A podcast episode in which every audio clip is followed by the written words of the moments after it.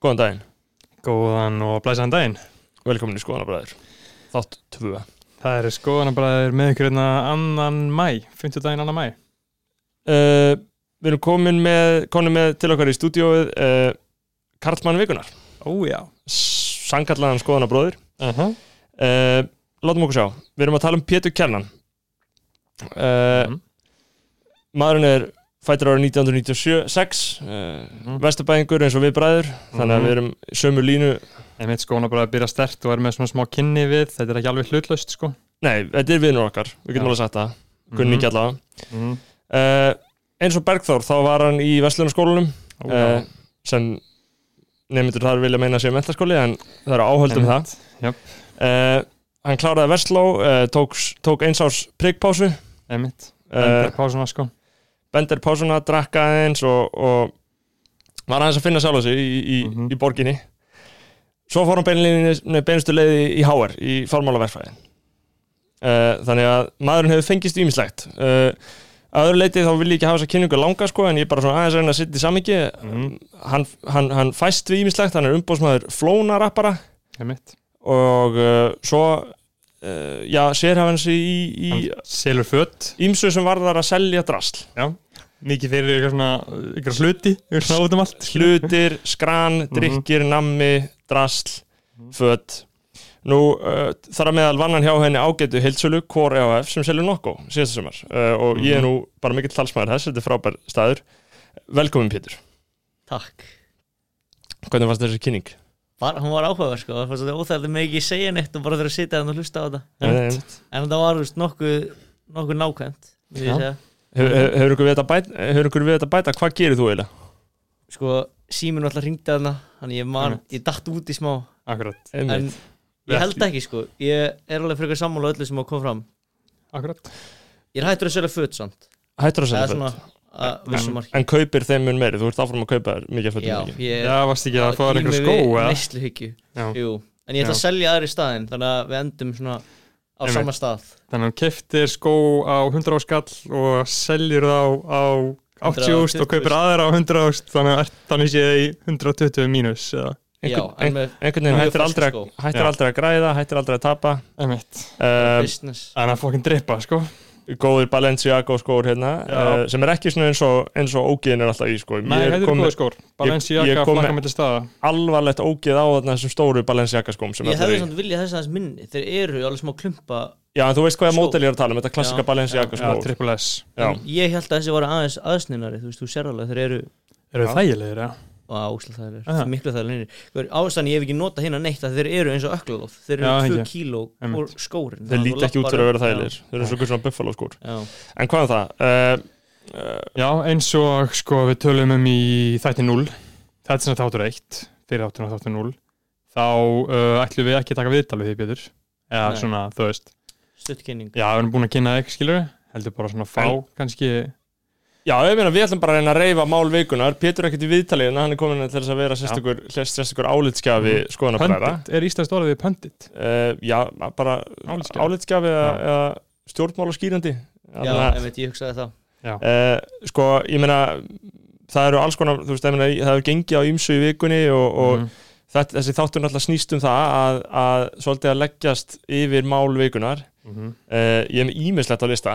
Uh, það er kannski sko, best og svona uh, sniðast að byrja að spyrja sko, Pétur, hva, hverju hefur þú ágjur af núna hvað, hvað er búið að vera hvað ertu búin að hugsa um í vikunni Sko Ég get haft, ég get, ef ég hef áhuga á því sem er að gerast þá nenni ég alveg að lesa mikið um það en svona hlutir sem að ég hef ekki áhuga á þá bara einhvern veginn forða sig að opna einhver hlut, eitthvað um það Mm. núna hefur haft verið að fylgjast með fréttum í vikunni, eða ekki?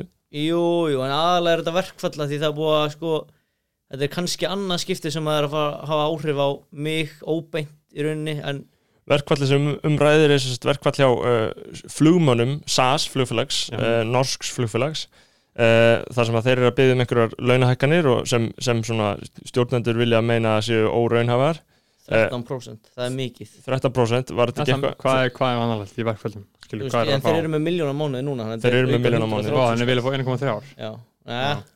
Nei, 1,1 þrjár. Já, 1,1 sko hann, þeir, þetta er, þetta er svolítið óhefbundi verkfall sko, af því að þegar maður er að fylgjast með einhverju verkfalli þá, er þá hefur maður yfirlt samúð með þeim sem eru að, að krefjast hærri launa, ég meina að það er kannski bara ástæða fyrir því, en flugmenn, hver í fokkan er vorkinu flugmanni? Já, af hverju Já. þeir þurfa 1,1 þrjár miljónir í stæðan fyrir eina? Ég, sko allan að ég er alltaf búin að lesa óvinni mikið um þetta en þetta er bara eitthvað því að vinnutímanir og vinnuálægið er það sem er að láta að byggja um meiri pinning þeir eru ekkert beint ósattir við launin heldur bara eitthvað svona hvernig þessu er háttað við fyrirtækinu. Maður sér alveg fyrir sér að, að þeir væli, allar, allar, stjettir væla sko, Já. en eins og ég segi, ég get ekki en haft ég var að með lesa líka sko, eitthvað af 1300 verkvöldum sem hafa orðið hjá flugmönnum þá eru 700 í Danmörku. Þú veist, af þessum En þetta er í Noregi, eða ekki, er þetta ekki SAS? Jú, Er þetta en þetta eru danskir, norskir og Já, eitthvað svona, þetta er svona skandi, skandi stemningana þannig að það eru bara neginn, allir í verkfalli. Og þetta er að valda því að þú ert í einhverjum, einhverjum uh, vandræðum með Já, flugið. ég og Flónir erum að fara til Danmörku á morgun og við Já. eigum flug með þeim klón 10 um morgunin. Í fyrirmáli. já, og eins og staðan er núna þá er hann það verkfall. Shit, það svona, Þeir eru þá ekki að fara, eða hvað? jú en við förum, við vestæðalagi með Æslandi er um kvöldið á morgun og þurfum þá að breyta í rauninu öllu ferðalaginu afbóka hluti og bóka nýja hluti. Maður ímynda sér að, að SAS muni borga ykkur tilbaka. já, það er umlega leiðilegst er að því að núna er svona fréttinnar byrjar að vera eins jákvæðari með verkfalli, Mm. þannig að ef að flugið ver- flugið verður á morgun þá fáum við ekki endurgreitt. Þannig að ég nenni ekki að kaupa Æslandeirflugið strax. En þú veist ég ákvaða eftir þennan þátt þá mun ég bara að kaupa Æslandeirflugið ef það er ekki búið að koma fréttum að það sé. Að því að öll, það er búið að fluga hverjum einast degi þetta flug sem við erum að fyrir á morgun og það er búið að cancelast núna heila viku. Þetta er náttúrulega, þetta setur neytendur í mjög erfiða stöðu. Þetta er eins og bara, all, þetta er eins og við vorum með vá hérna fyrir um árið, þá bara var fullt af fólki sem vissi ekkert hvað þetta gera og það stóð allt og fjall með þessum sem eigundum sko, en einmitt, en þetta þú veist líka sem bara greiði flugfélagi þú veist það tapar sko, ég var að lesa það, það tapar miljard á dag hvert einasta dag sem verkfallið er og núna er þetta sjöndi dagurinn. Þannig að þú veist, þetta eru svo fáranlega tölum að getur ekki sett þetta í eitthvað samingi bara tapa sjö miljardum af því að einhverju flugmenn fari í verkfall? Einmitt, og ég skil ekki alveg hver er að tapa. Er það bara einhver eigandi Já, fyrirtæki hluthafar bara- já, líka bara, þú veist, já, þú veist líka bara það að virðið, ef þetta er á marka, ég veit ekki hvort það sé á marka en þá er hlutabræðin bara búin að já, já, þetta er væntalega markaði. já, Já, Þarna, þannig að þetta er ræðilegt fyrir fyrirtæki. En ég minna að þú veist, greinilega er einhver ástæð fyrir þessi flugmennir að krefjast þessara launahækkana og maður svona, eins og ég segi, já, er þetta með að hafa samúð með svona hálunniðum stjættum sko. Já ég er samt svona, þú veist ef það er hljóta, það er einhver ástæðan það pældi hvað þarf að vera fucking í miklu bulli til þess að fara í verkfall Já. skilji. já, bara eins og við sáum hérna núna fyrir árunni hérna sko uh, þá voru verkfællinu svona, svona ansið stutt sko og en þetta verðist að það vera lengra en verkfællinu á Einmitt. íslenska en þú veist eins vinnumarkaðnum. og, ok, við, ég er að landa í þessu núna og ég er að reyna sko, lámarka þú veist, kostnaðin við Mm. þetta dæmi en Flóni sem lendi í þessu verkfalli þegar það byrjaði. Hann var örugglega með fyrstu flugunum sem voru aflýst út af verkfallinu og við vissum ekkert veist, af þessu.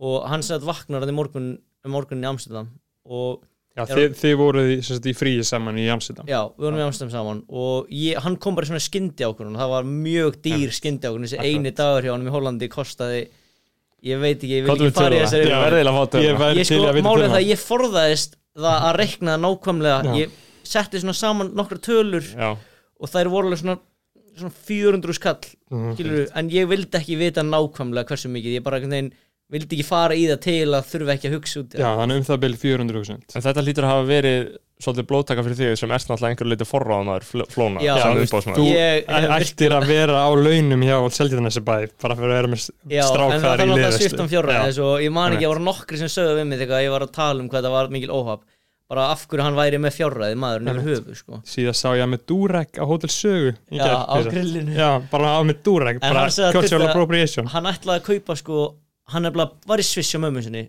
og bókaði flug, ég segi við hann eitthvað "Gaur, kottu bara til okkur eitt að því hann vildi að ég myndi framlengja okkur svona.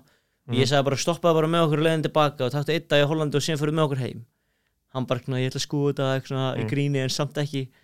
Ok, finnur, ok, fyrstilega þá finnur hann flug frá Sviss til Amsterdam á 30 skall og þú veist vanlega flug frá Evrópu innan Evrópu er alltaf bara svona 5, 7, Já. 10 10 skall mestari hann bara einhvern veginn fann flug að 30 Snillingur. skall. Ok, kaupir það. Síðan þarf hann að fljúa alltaf frá Amsterdam til Íslands. Það er eitt sæti laust og það er með Icelandair sem er saman flug ég var að fara í en það var sagaklass á 120 skall. Nei, Jú. fór hann í sagaklas nei, byrju, ok, það er það og ég bara, þú, gaur, þú getur ekki kæft það. Bara reyndi að finna og ég veit ekki af hverju ég sá bara ekki um þetta. Ég bara var í Amstam og var að njóta sjálfur en ég nefndi ekki að vera Mhm. að finna fyrir hann ég var glótt að borða þegar við vorum að tala um þetta sko. En hann hérna finnur síðan þetta flug síðan á 50 skall. Hann flýgur frá Amsterdam til London eða eitthvað svoleiðis og London heim. Og hérna neðan flýgur til Kaupmann hann með SAS þá. Og síðan alltaf vaknar hann og það var bara flugin hans cancelað Oh skilur. my ok, God. í Amstættam og hann er og ég er sofandi að því þetta var klukkan 7 morgunin ok, en það sem hann gerir þá er að hann kaupir þannig flug með sagaklass en núna kostar hann 150 skall Ái.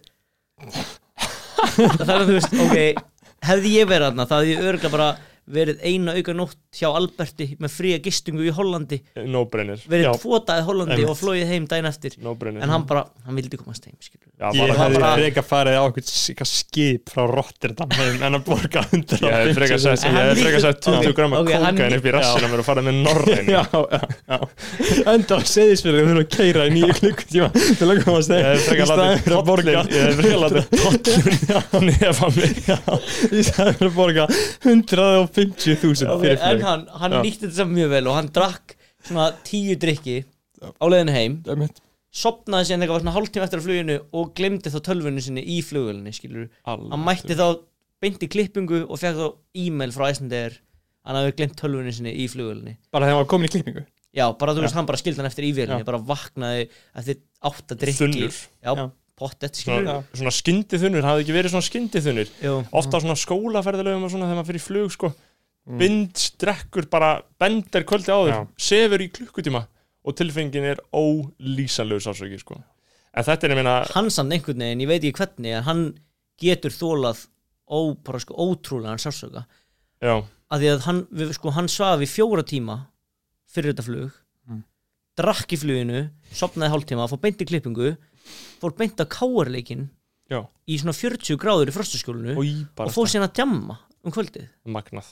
Já, hann, en ég man að þetta var, þetta var núna um helginu og svo svaf hann alla sólarhingin á sunnudaginn. Já. hann bara svaf hann reyndi Alla flesti dvala eftir hann að setti hann að mynda sér bara, og eiginlega bara alla en bara ég heyrði, þrútinn. ég heyrði fyrst Helvitijónum svona flóna þremur þrútinn. dögum setna sko. þá var hann fyrst eitthvað að ranka við sér sko.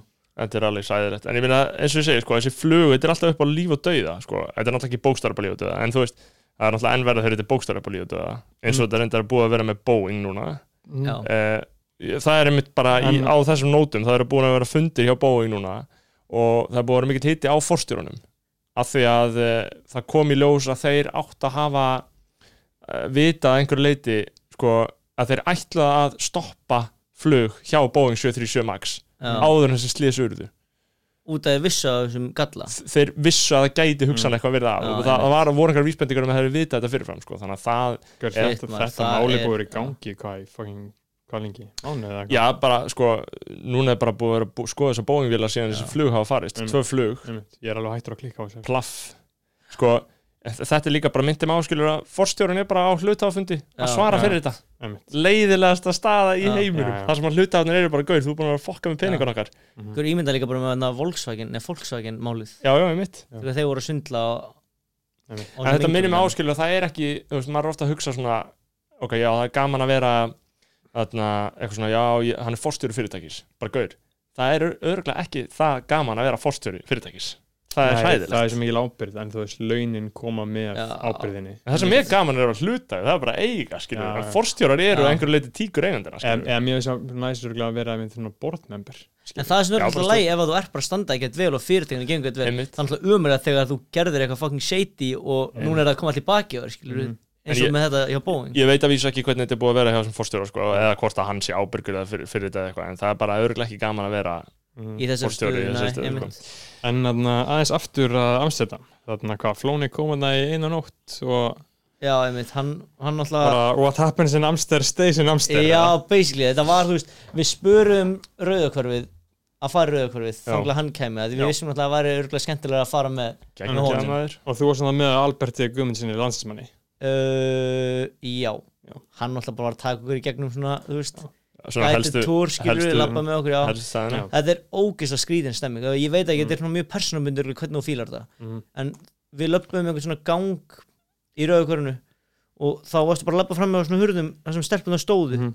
og og maður leið bara sér að vera dýrakar Já. þetta var bara, þú veist, hérna er simpansi skilur, og ég var bara svona, og getur þú bókstæla bara farið og benda þessu gælu bara ég ætla að ríða þessari þú þarf, ekki að benda þú bara bankar hjá henni og er bara það eitthvað er bara hægt að gera það í já, og hún segir bara, þú veist, ég átta mig ekki á því sko. Hún segir bara 100 eurur fyrir að gera þetta og þú veist, wow. við sáum einhvern veginn gamlan kall vera að tala um einhverju gælu og hún greinilega hafði bara eitthvað self-respect eitthvað, vildi ekki svo hann og hann var bara gett reyður byrjaði bara eitthvað að kýla í hurðun og skella hann og bara svona en þú veist, nice. traffíkin hann er sko, það var tróðfullt Mm. og ég held að ég sá engan, ég sá engan ég sá veist, nokkur hurðir sem voru lokaðar svona dreigið fyrir Mm. en ég sá engan fara inn þú veist, þetta er bara túristar sem eru bara eitthvað að Ég veit. framhjá og skoða menn, er þetta ekki, menn eru kannski ekki alveg í eitthvað sérstaklega miklu mæla farin og, og, og uh, Jú, jú ángriðs örglað, þú veist, fullt af Mm. fólki sem að djammar og gerir þetta og líka bara fer svona gamli kallar sem að heim í Hollandi skilur mm gera þetta en ég held að megna að fólkinni sé bara túristar eins og við sem erum bara að lappa hana með papuga og er ekki eitthvað. Einmitt, og síðan einhverju, er einhverju kynfærslega brenglaði menn sem að stunda þetta. Já. einmitt, skoðanabræðist þið þetta ekki skoðanabræður eru ekki á vændisvagninum ég meina uh, það er alltaf þessi umræða kemur alltaf upp Já. við og við hérna í Íslandi það eru sumir sem vilja meina að séu til hamingi samar hórur en uh, það er nú svona uh, ég er ekki alveg samfæður um en það sko. síðan er líka sko, En svo er náttúrulega líka PC. já, PC vinkillin að Já. stiðja svona sex workers skil ég hvað að meina þú veist Að, að, en hver er svona rökin fyrir því? Ég Að- það, að það er mjög mikil Aha. sko rökin eru þau að innan þeirra marka sem það rúmast að ef einhver er í sko kynlísvinnu eins og þetta heitir Mhm. þú veist, þá verður að virða það við hann og Já. bara uh, skapa hann sem bestar aðstæður til þess að stunda sína yðju að því að ég meina alltaf ef þetta verður ólöglegt þá verður þetta svart og þá verður þetta ljótt en núna ég meina núna er þetta kól ólöglegt í Íslandi og, og þeir sem eru, þetta er mjög erfið umræða sko, af því að annars Mm. vegar eru, þú veist, það eru mörglönd sem að vendi löglegt? nei, mjög, eða sko við fylgjum einhverjum svona sænsku móteli ég veit ekki sko. Ég, hef ekki fucking hugmynd. Nei, en Ég er held sko. það eru lögulegt í bandarækjunum enga sko. fórsendur til að ræða sko. en umræðin um að löglega vændi hefur alveg komið upp í Íslandi og það eru mjög margir svona fullandi kallar sem mjög- að konunar eigi rétt að selja sér sko. Já, en þetta er líka mjög mikið í svona ekki endilega PC Nei, svona hópum, Twitter hópum á, Twitter, svona í bandaríkjunum skilur, það er Sex bara workers. sex workers skilur, þeir eru svona vinning, auðvitað þú veist, þetta er bara ég, ég, ég, bara, ég ætla ekki að tjá skoðun á þessu því ég bara Nei, skil, ég- ég- skil þetta ekki. ég legg ekkert sérstakt mat á, á ágæti þess að, að gera þetta. En ég meina, ef einhver er að gera þetta og er í þeirri stöðu og hann þarf að vera að ríða fyrir peninga þá er eins gott að, að skapa honum sem En svo lengi sem að manneskinu líður vel með það og er ekki þungu eða er En bara er að það gera það hin- því að þetta sé vel borgað eða eitthvað En skilur svo er það náttúrulega hins skoðinu sko, svona harlínu feministar, flestir íslenskir segja að þú getur, þú Já. getur ekki verið í því svo að því að þér líði vel með að gera þetta. Það er bara að það sé bara einhver þverstaða sko. Já, einmitt, ég hef, þú veist, mér leið ekki eins og þessum stelpum leið vel, þú veist, það voru bara svona að horfa niður og bara svona, þú veist, vildu í rauninni ekkert vera, þannig fannst mér, þú veist, það var mín túlkun á þessu. En svo er það náttúrulega líka, stóra spurningin er hvernig kallar fá sig til þess að ríða ég manneskju að sem vera Ég skilða ekki beint, en mér þú veist, finnst það ég- ógeðslegt sko. þú mér finnst það bara svívirlegt sko. er svífið finnst það það ógeðslega sem það getur gert. Er að vera á Tenerife eða hvað sem hún fucking er og kaupa það vændi. Það er það ógeðslegasta Það er Það ekki sterkur það er bara stemmar, þú bara tenni, skilur, eitt bjór og hóra. bara áfram á tenni Nei, nei, en ég meina þú veist. Þetta er erfitt sko já, þetta er sekk sko og þetta eru menn sem gera þetta skilur þetta er kannski löglegt á þessum stöðum eða whatever, skilur En ég meina þetta, er, þetta grassar á Íslandi Þetta er ógislega mikið um þetta á Íslandi hafið sér kveikstáttinn um þetta Sko, Katalína Ngogo, hún er núna heima í Hollandi. Ég held að hún sé bara að vinna, Ah, bara ok. full on í Amsterdam, sko.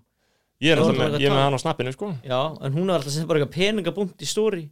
Hún geti alveg verið að græða. þetta fyrir tótt eitthvað, þetta er bara hundru fyrir eitthvað, Góð díl Ég er enda ekki með hann að snappa, en ég frekk að heyra þetta eitthvað, ég var hann úti. Mhm. En já, þessi dagur sem við áttum með Hol Hollandi, hann var, ég skil flóna að hann var mjög skemmtilegur, af því við gerðum mjög mikið af hlutum, við fórum, þú veist, við fórum hérna á krús í síkinu og eitthvað, Mhm. fórum sér endum, sko, fórum út að borða á okkur dæmi, endum svo kvöldið að fara í eitthvað risa bíó á Avengers og þú veist, Einmitt. við allan hana báðir elskum Marvel myndir akkurat þannig að þú veist, þetta var mjög langur dagur og endaði innundir. fjögur já, Já. mjög mikið listi Já. undir listfengnir karakterar En sko, Já. en ég meina, þú veist eins og í, Amsterdam Ég, ég hef ekki komað hana Þetta er svona eina af borgum sem ég hef eftir sko uh, Ógísla að segja þetta innan Þarna- fólki svo eftir já. Þarna, Einmitt. eitthvað svona trying to cover the world Þarna, nei, eru menn að að dýrka skunkin út á götu eða? eru þeir að Sko, reykja mm. sko, veist, er allt, er allt flæðandi í þessu hún, þú veist, við fórum út að lest og ég fann eitthvað lykt, skilur Gulla Al- Alberts, og hún var strax bara eitthvað svona finnið lyktina og þú veist, Mm. ég, ég veit hvernig græslykt var, ég fann enga lykt, Mhm. skilur en Mhm. þú lendir stundum í því að finna allt í hennu weedlikt sem að gæti alveg eins gerst bara eins og í London og það er löglegt, það má reykja Já. Já, það má leikja, já, það er annað En þú veist, það er ekkert meira Þú ert eiginlega ekkert meira var við það En bara eins og var að labba Oxford Street Og myndir Mm. allt í henni finna sko. Ég er alveg held að vera en mér finnst það þú veist, pældi hvað er epic ef að gras væri bara eins og áfengi. Já, en Já, ég myndi nú algjörlega beita mig gegn því, sko. Ég, er, ég er þar sko skilinst við það, ég er stuðningsmæði þess sko. Já, ekki að ræða að löglega gras á Íslandi, sko. Það er bara mitt, Það væri mest að skadra þessu verk Já. sem væri hægt að gera, sko. Já, ég er nefnilega einmitt En þú veist, ég, Ég- veist, ég, hugsa ég, bara um þetta ég, veit, skil bara ekki á Ég skil bara ekki alveg svona pælinguna með Að ef að áfengi væri ekki löglegt veist, mér finnst það þetta, fólk- þetta áfengi þetta var rólulegt En Ég skil það sjónamið, sko. Uh, En þetta er svo að halda status quo. En er það, er það alveg teng, bein tenging við að ef að hluturinn er löglur þá fer fólk meira að prófa þú veist, ég sko málið er með allt svona dót. Þú getur googlað eitthvað Já. og að þú vilt og þú getur googlað niðurstuna sem þú vilt heyra og síðan getur þú googlað niðurstuna sem þú vilt. fréttum um ekki það, heyra skilur veit, maður getur ekki treyst neinu og síðan kemur eitthvað frétt um þetta og síðan kemur önnur frétt um þetta skilur.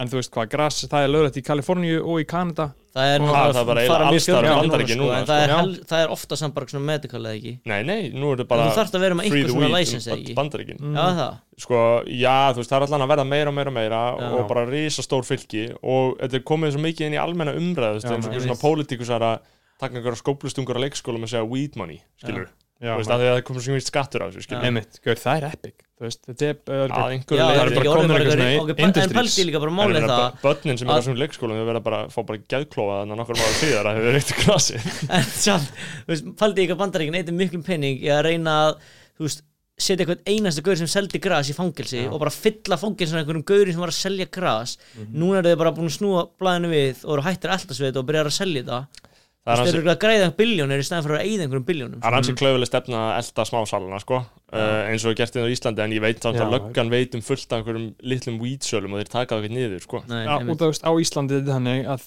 eh, er mér sagt að það sé að þú veist, það er bara forrit þetta er eitthvað svona forrit, veit ekki, veit ekki hvað forrit ég er að tala um sem allir geta kipt hvaða dós sem er á á Það var, Íslandi? Já, þetta var, held ég, í, þetta var á rúfið eða eitthvað um daginn. Það- það sem ég bara frá þessu.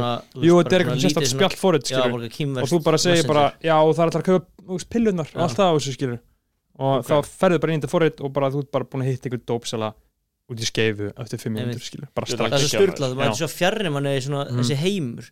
Maður horfir á svartur og leik eða eitthvað man ekki alveg hvað, þetta er þessi myndir Já, já. mér að falla maður já, og lof mér að falla og þú veist, klassísku íslensku mynd Það- var bara of, að það var gerast. of heavy, það er bara Guð. lengst í burtu en síðan, ég þú veist, se, fór sem ég að gráta þeirri mynd sko. ég, Já. fór, Ég ég, vissi er en þá ekki búin að fara myndina sko. ég vissi ekkert um hvað þessi mynd var mm, bara Guð minn fór á hana, ég held að þetta væri bara Já. svona svartur og leik smá ofbeldi, smá kynli, smá eitulíf good shit Nei, nei, já. þetta var bara svo þung Mm, ég sef ekki marga daga til þetta ég fer á svona mynd og mér líður eins og ég sé óbeltsmaðurinn já, þetta var ógæslega mynd já, Bara- oi, maður. Mjög Bara- góð mynd en hún Já, var góð, sko. já, ótrúlega ég er full að trúa því sko. Mm. en eins og ég segi, sko, maður er svona ekkit sérstaklega tengdur undir höfum ekki lengur sko, ekki Nei. lengur en uh, þú veist uh, þetta pillu app, það er náttúrulega bara geggjað ef að menn geta haft greiðan Já, aðgang það er að þetta fór alveg frá mér, ég vissi ekki Já. að það væri til sko. Já, þetta, veist, ég vissi bara að það var einhver Facebook-grúpa þetta var alltaf, alltaf Facebook-grúpur sko, og nú er bara komið með eitthvað pjúra app já, bara, það bara dópsala landsins frá Unite já. bara app og dóp kaupundur appsins bara bara hittu mig í spönginni skiluru En er það er faraldur af fólki að taka ofskamt á Íslandi. Já ég sá það, fleiri búin að deyja núna árið 2019 Þú veist, þetta er bara en allt 2017, fimm mánuður skilur Já, ég held líka bara að í bandaríkjunum sé hérna, oxycontin orðin sko drepa fleiri en Mhm. offita og diabetes og hvað og bara livjafyrirtækin er að græða á þessum döðum, skilur ég var einmitt sko á aðna söpnum út í London núna fyrir þeim og þetta var allt bara Sackler family Já, þetta var, þetta var allt bara já, bara, já, hérna, er, hérna var ég bara í, svona, í Victoria Albert Museum í Mm. Kensington. Það var bara búta, búta gangurinn ég er bara spenntur, ok, næst með það er eitthvað búta, eitthvað good shit. Og séðan var þetta bara Sackler gangurinn, skilur þau bara voru svona að gefa öll listaverkina Þetta er bara það sem ég er að tala um, þú ert með vinstri höndina það sem þú ert að myrða litla krakka. Já. og hægri höndina ert að styrkja söp. Já, já Þú fyrir þá sem ekki vita þá er þetta Sackler fjölskyldan sem að bjóð til Oxycontin En þú veist, Það er er- þetta ekki líka þannig þessu í bandaríkjunum? Þetta er sérstök auðmanna fjölskylda sem þróaði þessi líf og setti þau markað sem líf sem átt að hjálpa fólki en þetta var bara að eitthvað faraldi og það er er- íslegt búið að skrifa um þetta. það er epic að það í ljósi sögunar um þetta. Já, ég mitt þetta fyrst á. Já. En þú veist, þetta er náttúrulega bara þannig í bandaríkjunum að þeir styrkja einhver fósita frambúð kannski, Já, já, Donald já. Trump. Þetta er svona síðan verður hann fósiti og þá bara FDA bara í gegn með þetta, bara Mhm. allt í gegn. Bara öll oxykontin lifin bara þetta er svona klassiskur lobbyismi sko, og það er vel að merkja lí- líka ágætt greinum þetta bjall.is en einmitt. eh, En ljósi sögur þáttum er epic, hún notar sko Schoolboy Q-lag sem heitir Oxymoron eða Oxycontin. Það er nú létt að fá þig á lestina og nota eitt rappla eða eða þú veist, sem hvað er epic, bara vera ítluða bara já, ég Já, hlusta á. Schoolboy Q og hann menn gerir þessi lag um þættir- þetta og, og notar instrumentalin, hann er ekki eins og að segja Oxycontin, en bara þeir sem vita, vita að þetta sé lag sem heitir Oxycontin Golddigger í hérna einn MDB þættinum Já, er, já, Já, það, en er þetta ekki bara að því að það er ekki þá, þú veist hvað er þetta, copyrighta Ég held að sé ekkert copyright á podcastum sko. Ekki. Mér líður eins og í Já, bandaríkjunum sé þér alltaf bara að spila, spila hvað sem er sko. eða veist, það er við, við mættum alveg setja hvað sem er skilur líka bara- við bara þér að nota það við erum alltaf á YouTube um þetta, það var Já, bara einmitt. allt strax bara YouTube, þú ángríns ert og bara settir einn og það var mínúta þá Já. var það búið að loka því einmitt, einmitt. En já, já, ég meina, þú veist, þetta er faraldur í Íslandi og, og ég bara, þú veist, við erum orðin eins og svona þorpin sem að lasum í blöðunum bara fyrir tíu árum að eitthvað var að gerast í bandarækjum en hérna er bara fólk Já. að deyja í hrönnum út af, veist, og þetta er bara að því að aðgengið er fyrir hendi, þetta er ekki, þú veist, fólk hefur ekkert meiri vilja alltaf að deyja núna, þetta er bara þegar þessi lifur til, Er skil. það, er þetta ekki að þeim fólk er eitthvað að klikka á þetta Jú, Instagram? jú, nei, þetta fólk er ekkert að Instagram drepa sig, sko, þú veist, þetta fólk er bara, Er það, er þetta bara ég veit þú ekki veist- hvernig það lifið er en það hlýtur að vera bara virkilega ánumundi að því að þú en þetta er bara það, þetta er bara, fíknin er, þetta er svo Já, miklu, miklu sterkara. Þetta er bara svo miklu, miklu sterkara. Og þú hefur enga stjórn á þessu, þetta er bara börn, sko. Paldi að vera að stjórna landi og það kemur eitthvað svona faraldur bara hvar byrjar? Uh, þar getum við að byrja til dæmis á stefnu sem ég hef verið að þróa sem heitir PC fasismin ok, segðu bara, mér aðeins frá það sem er bara fasismi það sem að til dæmis fólk sem að býti svona lif er myrt, Já, skilur, Já, það er algjörlega myrt. Saman ólíufólkið, það er líka bara afhausað, skilur fólkið sem að er sem að drefur nautakjötið, skilur það er hengt, allt Já, bara, þetta er- allt af vondi heiminum það er bara tekið með valdi en þú en þú veist, þessi peningar stjórna bara öllu þú veist, þú Ég veit það, þeir bara geta ég veit kemst það. hvað sem er. Þess vegna ertu bara eitthvað fucking eitthvað, þú veist eitthvað dothraki hér bara til þess að það Kalísi já, kemur. Myrða allt það fólk sem er, einmitt, sem er að gera þetta allt, að þetta er bara eitthvað ríkt fólk. Þetta er bara eitthvað top 1% sem er að gera þetta allt. Og ef þau myndir bara myrða þau, taka völdin þú veist, málið er það þarf kannski svona miljón ógeðislega menta og gáða fólk, skilur til þess að skipulegja herin og skipulegja hvað það að gera. Þú greinlega múin að leggja mjög mikla pæl þetta er frábær pæling. þetta er, þetta er nefnilega geggjur pæling, af því það þarf að skipulegja herin og síðan það Einmitt. skipulegja hvað það að gera þegar þú er búin að drepa þessa fjörskyldu og líka Með alla peningana þeirra. Með alla peninginu og öll völdið þeirra. Og Hvernig raunhæf ætlarðu- hugmynd í þessu er líka sko að ég meina núna erum við með netið og það er svolítið svona fólk er svolítið bara mikið heima á sér og það er ekki að koma saman.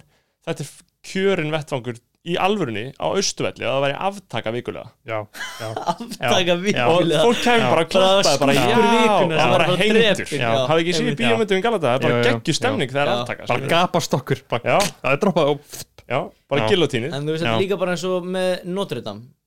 Þá bara náður að sapna hvað miklum pening. Á þú veist, einum degi Þá var bara svona 500 miljón pund eða eitthvað. Fyrir Notre Dame fyrir, já, Já, og fyrir þú hennar en, er bara sko, en það er algjör whataboutismi sko. Já, já, þú veist, whataboutismin, það er þetta að genóta það allt. En það, PC fasismin er ekki með whataboutismin ég er sem bara að tala um svona svart af því- þetta stí, sko, Pétur á við. að þetta skýrir sko hvaða, hva, hvers þessu, þetta fólk er megnugt, þú veist, Já. það bara á einni mínútu þá komið Já. öll saman og bara voru komið með marga fucking trilljarða í, þú veist, já, já, ok, þetta er Notre Mhm. Dame. En líka það, þetta er aðeins minna vandamál að laga hennar kirkju en að laga alla jörðina. Þú veist, þetta er, það forðast bara allir þetta vandamál. Þetta er svo ótrúlega mikið vandamál og það er svo stórt. Hafið þið séð þarna með Eikon gaf rafmagn allavega í Afríku? Uh, Já, en er, það- er, er það eitthvað internet lígi eða gerðan actually, ég hef aldrei Ég hef séð þetta, sko. maður er alltaf að sjá þetta, bara fucking King Eikon bara maður fucking sá mestarinn líka með hérna hvað heitir, gaurinn sem var alltaf á Snapchat þegar það er Væn Hver? hérna Jerome franski Jarre? gaurinn, já hann byrjaði að fara- hann, hérna flutti bara, hann hætti bara. Vá. flutti bara til Afríku, byrjaði bara að setja upp ykkur svona plastflösku ljósingur þorpum og eitthvað, byrjaði bara að Mhm. lappa um allt. Og líka, þú veist, Lebron búið til einhvern háskóla Það er svo fallegt að vera komin á þann stað og þú en ég meina Lebron sem bara gerir einhvern grunnskóla. Fyrir bara eitthvað ofurgreinda krakka, eða- en ekki gera þetta bara fyrir svarta krakka? Jú, og svarta svona un- underprivileged en það er bara eitt skóli, Já, bara eitt skóli, það er eins og til dæmis svona Bill. Gates, hann er ríkast maður í heimi. Já, örgulega top 5 Gaur, eitthvað hann hefur gefið svo mikla peninga. Ég veit það, en akkur er ennþá allt í fokki þá akkur getur hann bara ekki tekið alla peninga sem hann á og bara rít rít ég var að skoða sko Khan Academy eða eitthvað. Mm. ég held að hann sé búin að gefa einhverja miljardar dollara sko, þú veist, ímyndaðir hann er bara eitthvað, já, ég er að, þú veist, hvað þú gefa Mhm. mikið. Bara miljard dollara. Gæður mér sem fyndið þarna Steve Jobs. Og það er auðvitað svona 0,1% af peningum sem á. Akkurat, Steve Jobs sko aldrei til góðgerma það er frekar sick. En hvað er peningurinn núna? bara hjá eða þú veist, það hefur ekki eitthvað farið eitthvað núna Já, skilur einmitt. en hann alltaf bara eitthvað, þú veist yeah, Já, einmitt. þú veist, en ég trúi ekki á þegar það ég var skilur krakki þá var alltaf verið að tala um að Bill Gates ætlaði bara að gefa börnunum sínum eitthvað 1% ég, vil, Já, ég, já. hvort að, ég hef aldrei googlað eftir að maður heyrði hvað hann bara en þú veist, hann allan að hann- þau, hann bara og eitthvað kona búa í sér með tjöldum. eitthvað foundation Já. sem að þau bara gefa endalisa peningum í En ég meina þetta er alltaf bara, þú veist það- það- PC-fasismin, það þyrfti að gera það það þyrfti alveg pólitíska vilja til að taka fólk að lífi já, sem bara gerir samfélagin ekkert gott Í gamla dag, það voru menn bara með skýri reglur um að bara já, já, þessi, þessi er, það er ekki gott að hafa þessa mannski á lífi Já. Við erum bara að taka hana og, veist, og jú, jú margar manneski sem er ekki gott á á lífi sko. Já, já, alveg Nú- nú er bara, en hvort þú trúið þið á jafnvægi í heiminum eins og það er núna bara, þú veist, einhvern veginn móður í örðu ræður bara hvernig þetta er, skilur Mm. E, ok, það náttúrulega var kannski ekki alveg þannig veist, það er ástæði fyrir að Afrika er ekki á sama stað og öll henn já, bara heimslandar kúun já, einmitt, þú veist, og bara valda einmitt, einmitt. en haldið að það gæti verið hægt að útrýma fátækt og með PC fasismannum, já Nei, þá myndi valda sjúklingar komast til Já, valda já, og en- þetta endur tökst en alltaf Já. sko. þú þarf þá bara einhvern svona þú veist, ah, gaur, það þarf eitthvað tæknum þarf að koma aðeins lengra Já, og þarf einhvern svona cyborg gaur eða hvern mann, skiptir ekki máli kynlaust, bara einhvern cyborg. Bara hán, cyborg hán. Já, bara einhvern cyborg sem að getur algjörlega stjórna öllum þessum hámentuðu einstaklingum til þess að bara redistributa öllu þá mun iRobot maður einhverjum sem myndum. Þá voru bara ég- einu orðin vélmenni sem að ráða öllu Sko ég held að, að jafnbæðið sé náttúrulega, þú veist, að því það náttúrulega má endalist deilum það hvort að maðurinn sé eðli sinu eigingjarn, skilur, og það er Mhm. náttúrulega, þetta kemur allt niður á þeirri spurningu, skilur, hvort að maður sé eðli sinu eigingjarn, því á sama Mhm. hátt og við sem að Bill Gates ætti að gefa restina peningunum sér líka, þá kemur einhver og bankar upp á fyrir góðgerastar sem ég á mér og ég bara, nei, ég held ekki, Já. ég nenn ekki að eða 700 kalli í bara þetta, þú veist, ég, ég hlust ekki eins á hvað þetta er, Mhm. en, síðan, en síðan talaði um eitthvað annar ætti að gefa alla peningarnir sinni Ég, meni, ég geti auðvitað að gefa 90% af peningunum mín og ég fengi ennþá Mhm. að borða og fengi ennþá að menta mig Mhm. En ég vil freka að kaupa mér fucking Þú veist Það sem ég kaupa mér gaur, Pieta samtíkin ringið mér á hverju, kvöld alltaf, ég svaraði þeim aldrei Nei, nei, er það ekki, er hvað, það ekki, hvað, er það hvað ekki, er er það ekki dýra eitthvað Nei, svona? Pieta, hvað hvað er er það? PETA? PETA er Já. sjálfsmórsamtök já, ok, shit Það er svona eitthvað sjáðu ljósið Já, stemming maður, maður Þú þeim ættir að fara að svara þeim sko. Já. ég er reyndar að fá ég er reyndar hættur að fá þessi símdölin ég fekk alltaf símdöl frá eitthvað svona tre stopn eitthvað svona, ég man ekki það Já, bjargum nafn- einhverjum trjám eitthvað ég veit Ah. það ekki, en þú veist, ég var ekki Já. viss hvort það var að bóka flónu eitthvað gig eða eitthvað, en ég bara Já. svona einhvern veginn það var ég prófað törninu Já. og ég nefndi aldrei að svara þessu en ég var alltaf sælinn þess að þetta eitthvað hringdu Einmitt. Það er mikilvægt sko En ég meina eins og þú veist Þessi Jerome Jarr og þeir sem við talum skilur Þetta eru svona áhrifavaldar og Lebron og ég veit ekki hver og hver Þetta eru svona gaurar og Akon Þeir komast svo langt Þeir eru búin að sigra heimið það mikið eins og Jerome Jarr, djúvillan hann Mm. fucking vinsæl. Var það? Var Já, hann ekki bara eitthvað bjöklas? Nei, Var hann hann alveg, var hann alveg milljónir. Jake, Paul? Fenómenon, já, já, já, ok, vá, Jake Paul reyndar, Jake og Logan Paul eru svo vinsal ég manni hvort það var svona stór sko því að mann var með væn, en þú veist, væn var svo stór hann, bjóð til svona væn, þessa, þessa vænstemningu sko. Haldi en ég að svo- allir vænar hann áttu bara heimi einhverju vænstríki Já. bandaríkjunum í sama húsnæði. En svo fengu við bara viðbjóð Hann, hann fekk bara viðbjóð þessu sjálfur sér og fyrir að gera eitthvað gott Já, uh, Það hlýtur að gerast á einhverjum tímupunkti við alltaf fólk skilur. Þú bara, þú, þú ert búin að ná hápa, hápunkti og getur ekki náð herra en veist, ég sé ekki Logan Samt- Paul fyrir mér fara allt í hennu að gera bara eitthvað, þú sér Gaur, horfir á mann Hann gerir það eða kála sjálfur sér Síðan er þetta líka, skilur einmitt hvort þú sett listamæður eða ekki, skilur Já, af því þá, sem listamæður getur alltaf þróast sko. Já, ég veit að þú veist, listamenn, skilur ég hugsa átt bara eitthvað, vá, þú veist, þegar einhver listamenn er bara algjörlega búin að meika það, bara eins og bara Drake skilur, bara fucking kongur alveg skilur, af hverju ætti hann nenna að vera remix eitthvað nýtt lag hjá Megan The Stallion, skilur, bara einhver nýr rappari, já, fengis rappari sem getur eitthvað lag og Drake bara fara að remixa það, en það vil hann það vera heitur, skilur af hverju nenna, af hverju myndi hann nenna þetta er alveg svipið pæling og af hverju fólk vil alltaf halda penningur sínum, já, af hverju þráir alltaf meira og meira og ég meira og skil meira. ekki alveg til dæmis, ég var að skoða eitthvað lænum, við erum að fara að spila sem þetta í Danmarku, Mhm. Flón er að fara að spila á einhverju hátíðana Já. og ég var að skoða hverju líka að spila og það var einhver krakki sem að lukkaði svo mikið svo eitthvað smökk, þannig ég ákvað að íta á hann Mhm. hann var kannski svona 15-16 ára og ítta á eitthvað lag og það var bara svona alveg eins og eitthvað JB, fyrsta JB-lagið mm. og þannig ég opnaði hann á Spotify og var ekki að checka á hann var búin að gefa tvö lög eitt lag sem var bara svona frekar umlegt og síðan var bara annar lagi bara fyrir Tory Lanez Vá. Ok, þannig að hann hlýtur á að kifti þetta feature skilur þú Mhm. getur kift feature með svona gaurum Já. það finnst mér umlegt einmitt, eins og til dæmis með hérna hvað, var, Gucci Mane sem að gera lag með Jake Paul. Einmitt, einmitt. og þess að hann borgaði hann halva miljón dollara sko. Maður mað sér þetta líka með skilur bara eins og svona þíski rappar já, og, einmitt, bara með Quavo skilur þegar ég var eitthvað tók þýst rapp tímabil skilur það var bara allt í hennu bara eitthvað It's the Kid feature Já. kaupa þetta. Og svo bara eitthvað Quavo þarna með eitthvað ömulegt generic verse bara Já. I'm with a bag of weed já, I'm here in my clothes veist. En það er, samt, sem, það er svo ógæslega mikið maður. Já, það já, er líka það, ég get ekki séð hvernig þessi uppa sem er fá fyrir að vera feature en sé eitthvað mikið, já, hún er hún eitthvað það stór með við hvað er fá fyrir að gigga eða fyrir samstagsæðalina eitthvað sem er að gera? Gaur, ég held að þetta sé bara málið er að því að sumir rapparar vinna þannig, þetta er bara svo fokkin fjöldaframleitt að þeir bara mæta og Einmitt. það tekur þá uh, hvað, þeir eru kannski með, með vers í 45 sekundur já, og þeir voru einu hálfa mínútu að taka það upp og hugsa hvað það ætla að segja og bara fyrstælega Já. senda það bara út á einhvern þjóðverja og bara já, gera svo vel Tóri Leins og auðvitað bara ekki neitt að gera einmitt, ekki hérna neitt er hvað ætla hann sér eitthvað, svona 10.000 dólar á vers? Nei, örgulega hans meira, af- heyrði allan að Gucci Mane að fekk halva miljón já. Þú staðið fára mikið Það það þú segir ekki nei við því en það er reyndar samt, þú veist hann fekk hann frekar mikið heita það ekki?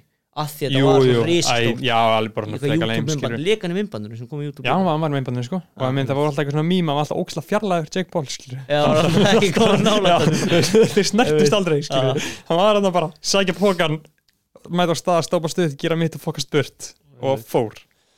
En þeir eru náttúrulega eh, þeir hljóta stunda þetta þeir eru örugglega easy money sko Mhm. þú veist, Þú veist, ég er náttúrulega við- þú veist, ok einn hjá þér já, og flóni á mér þú veist, Mhm. við vitum að þeir eigða peningi að pratt og þeir fá hann Já.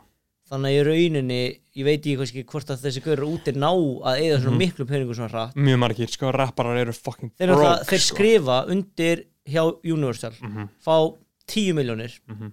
labba beint inn í einhverja demantabúð kaupa sér skart fyrir 5 miljónir og kaupa sér Mhm. bíl eiga enga pening og sem bara skulda þér peningin skilur. eins og Rizz the Já, Kid já. hann skrifaði undir einhvern samning Mhm. ég man ekki við hvað Mhm. eitti bara öllu í AP úr og veist, Lamborghini bíl málið er að þessi menn eru þeim líður illa og þeir eru náttúrulega örgulega flest allir frekar sko grindaskertir já, en, má, en síðan líka að vera veist, legendary listamæður en vera bara þú veist, Ekki- savant, skilur já, þú, eins og, þú veist, það fer ekkert saman að vera góður listamæður Nei, og alls vera ekki. sterka- sterkt Alls ekki. fjármálaveit eða Skilur. dóngreind sko einmitt ég meina, þú veist, samband þitt og flóna skilur, ég hugsa mikið um ykkur, skilur veist, fyrir, fyrir þá sem hafa sér reynmann skilur, þá er þú Tom Cruise og hann er Dustin Hoffman skilur, ég þarf að sjá reynmann það Nei, ég þarf að sjá þessu það er bara, þú er Tom Cruise í henni og hann er Dustin Hoffman og þið er bara svona við flæði í gegn, strákanir hafa Mhm. sagt um mig oft og ég er alveg, ég er búin að gera mig meira og meira grein fyrir því hvað ég Mm. er ótrúlega lítið listrætt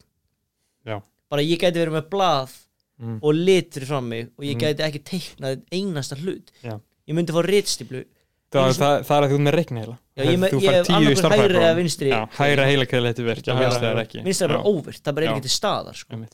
ég fór að leik, ég fór á leiksýningum um daginn og það var örgulega með seinustu leiksýning sem ég á. Ég ætla ekki að segja hvað leiksýningu er ég veit að þið var að mun hlusta á þetta muni vita hvað leiksýningu er. Hún var mjög flott, skilur og ég, með að skekka gaman að sjá vinni mín að leika bara það voru ókslega góður Mhm.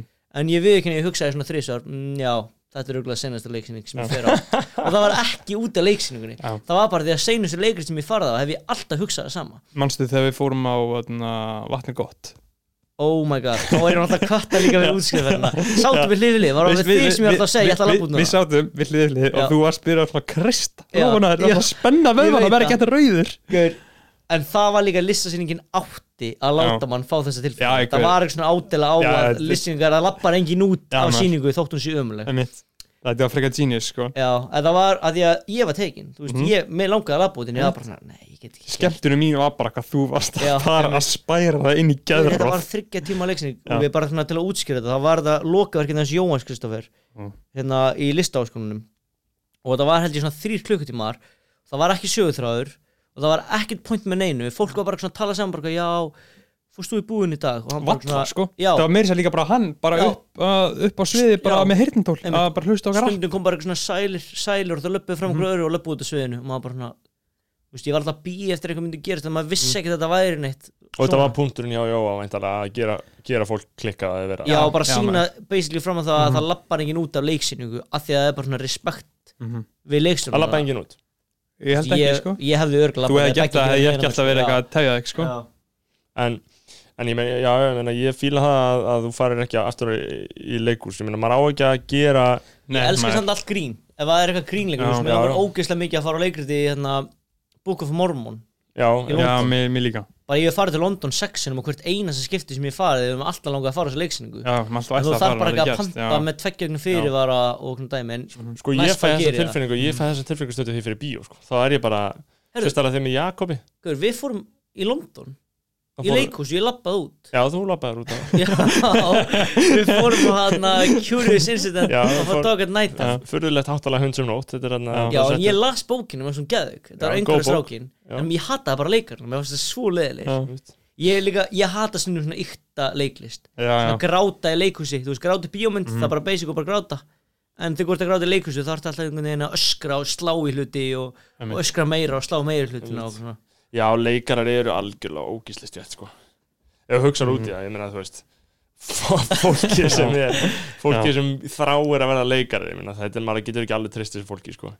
En ég meina ég við þurfum, Ég góða, leikara og Já. það er náttúrulega bara hliða kostnaður að Já, já, og halda þessu uppi. Ég meina, þú veist, uh, en upp til hópa er þetta náttúrulega hræðilegt hræðilega aðteglisíki, sko. Sem Ég held skilur, að ég sé- í eðlisinu er þetta það, sko Ég held að það sé bara mjög erfitt líf sem leikar að lifa, sko. Þú veist, það er, eh, þetta er bara mesta, örgulega mesta, mesta hark sem þú getur farið í eftir mentun Þetta á myndlist, kannski. En þú séum oft pæli í því að, að svona fólk sem að oftast listræð fólk það mm.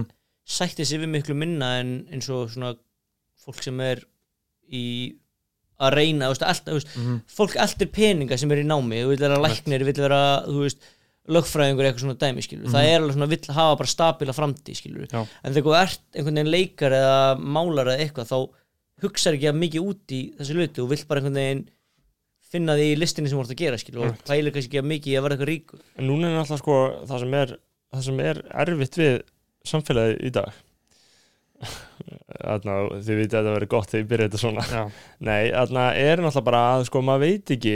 þú veist, þú getur ekki gengið að henni vísu lengur eins og í gamla dag, þá gastu bara ég meina, ef þú varst hérna bara 1970, fættu 1950 og bara, ef þú fórst í lögfræði og stóðstu vel fegstu pening, ef þú fórst í verkfræði, stóðstu vel fegstu pening, ef þú fórst í læknisfræði, stóðstu vel fegstu pening, ef þú fórst í viðskiptafræði þessuna og stóðstu vel og fegstu pening. En núna er þetta einhvern veginn, maður veit bara að heiminum breytist á hverjum fimm árum. Þá er Mm. bara einhvern veginn en þú veist, ég er alveg samlega við, eins og við hugsaum geð mikið um að reynsla skipta óslega miklu máli og við erum geð mikið með þetta retta stuðafarið skilur, ég fef bara í þess að nám og ég klára þetta og þá bara fæ ég vinnu. En þú veist, maður einhvern veginn heyrir alltaf fólöldi svona fullar fólk tala um eins og að það hafi samt einhvern veginn ekkert ennþá breyst. Þú veist, þú ferði í atvinnuvittal, kannski eftir skóla og þú þart ennþá að vera með einhverju gráðu og þart að vera með ákveð ég held að vissu marki, þú veist, allar já, í- okkur tala um eins sko, og í- að sé þannig ennþá í lögfræði, í, í, Já, í, já.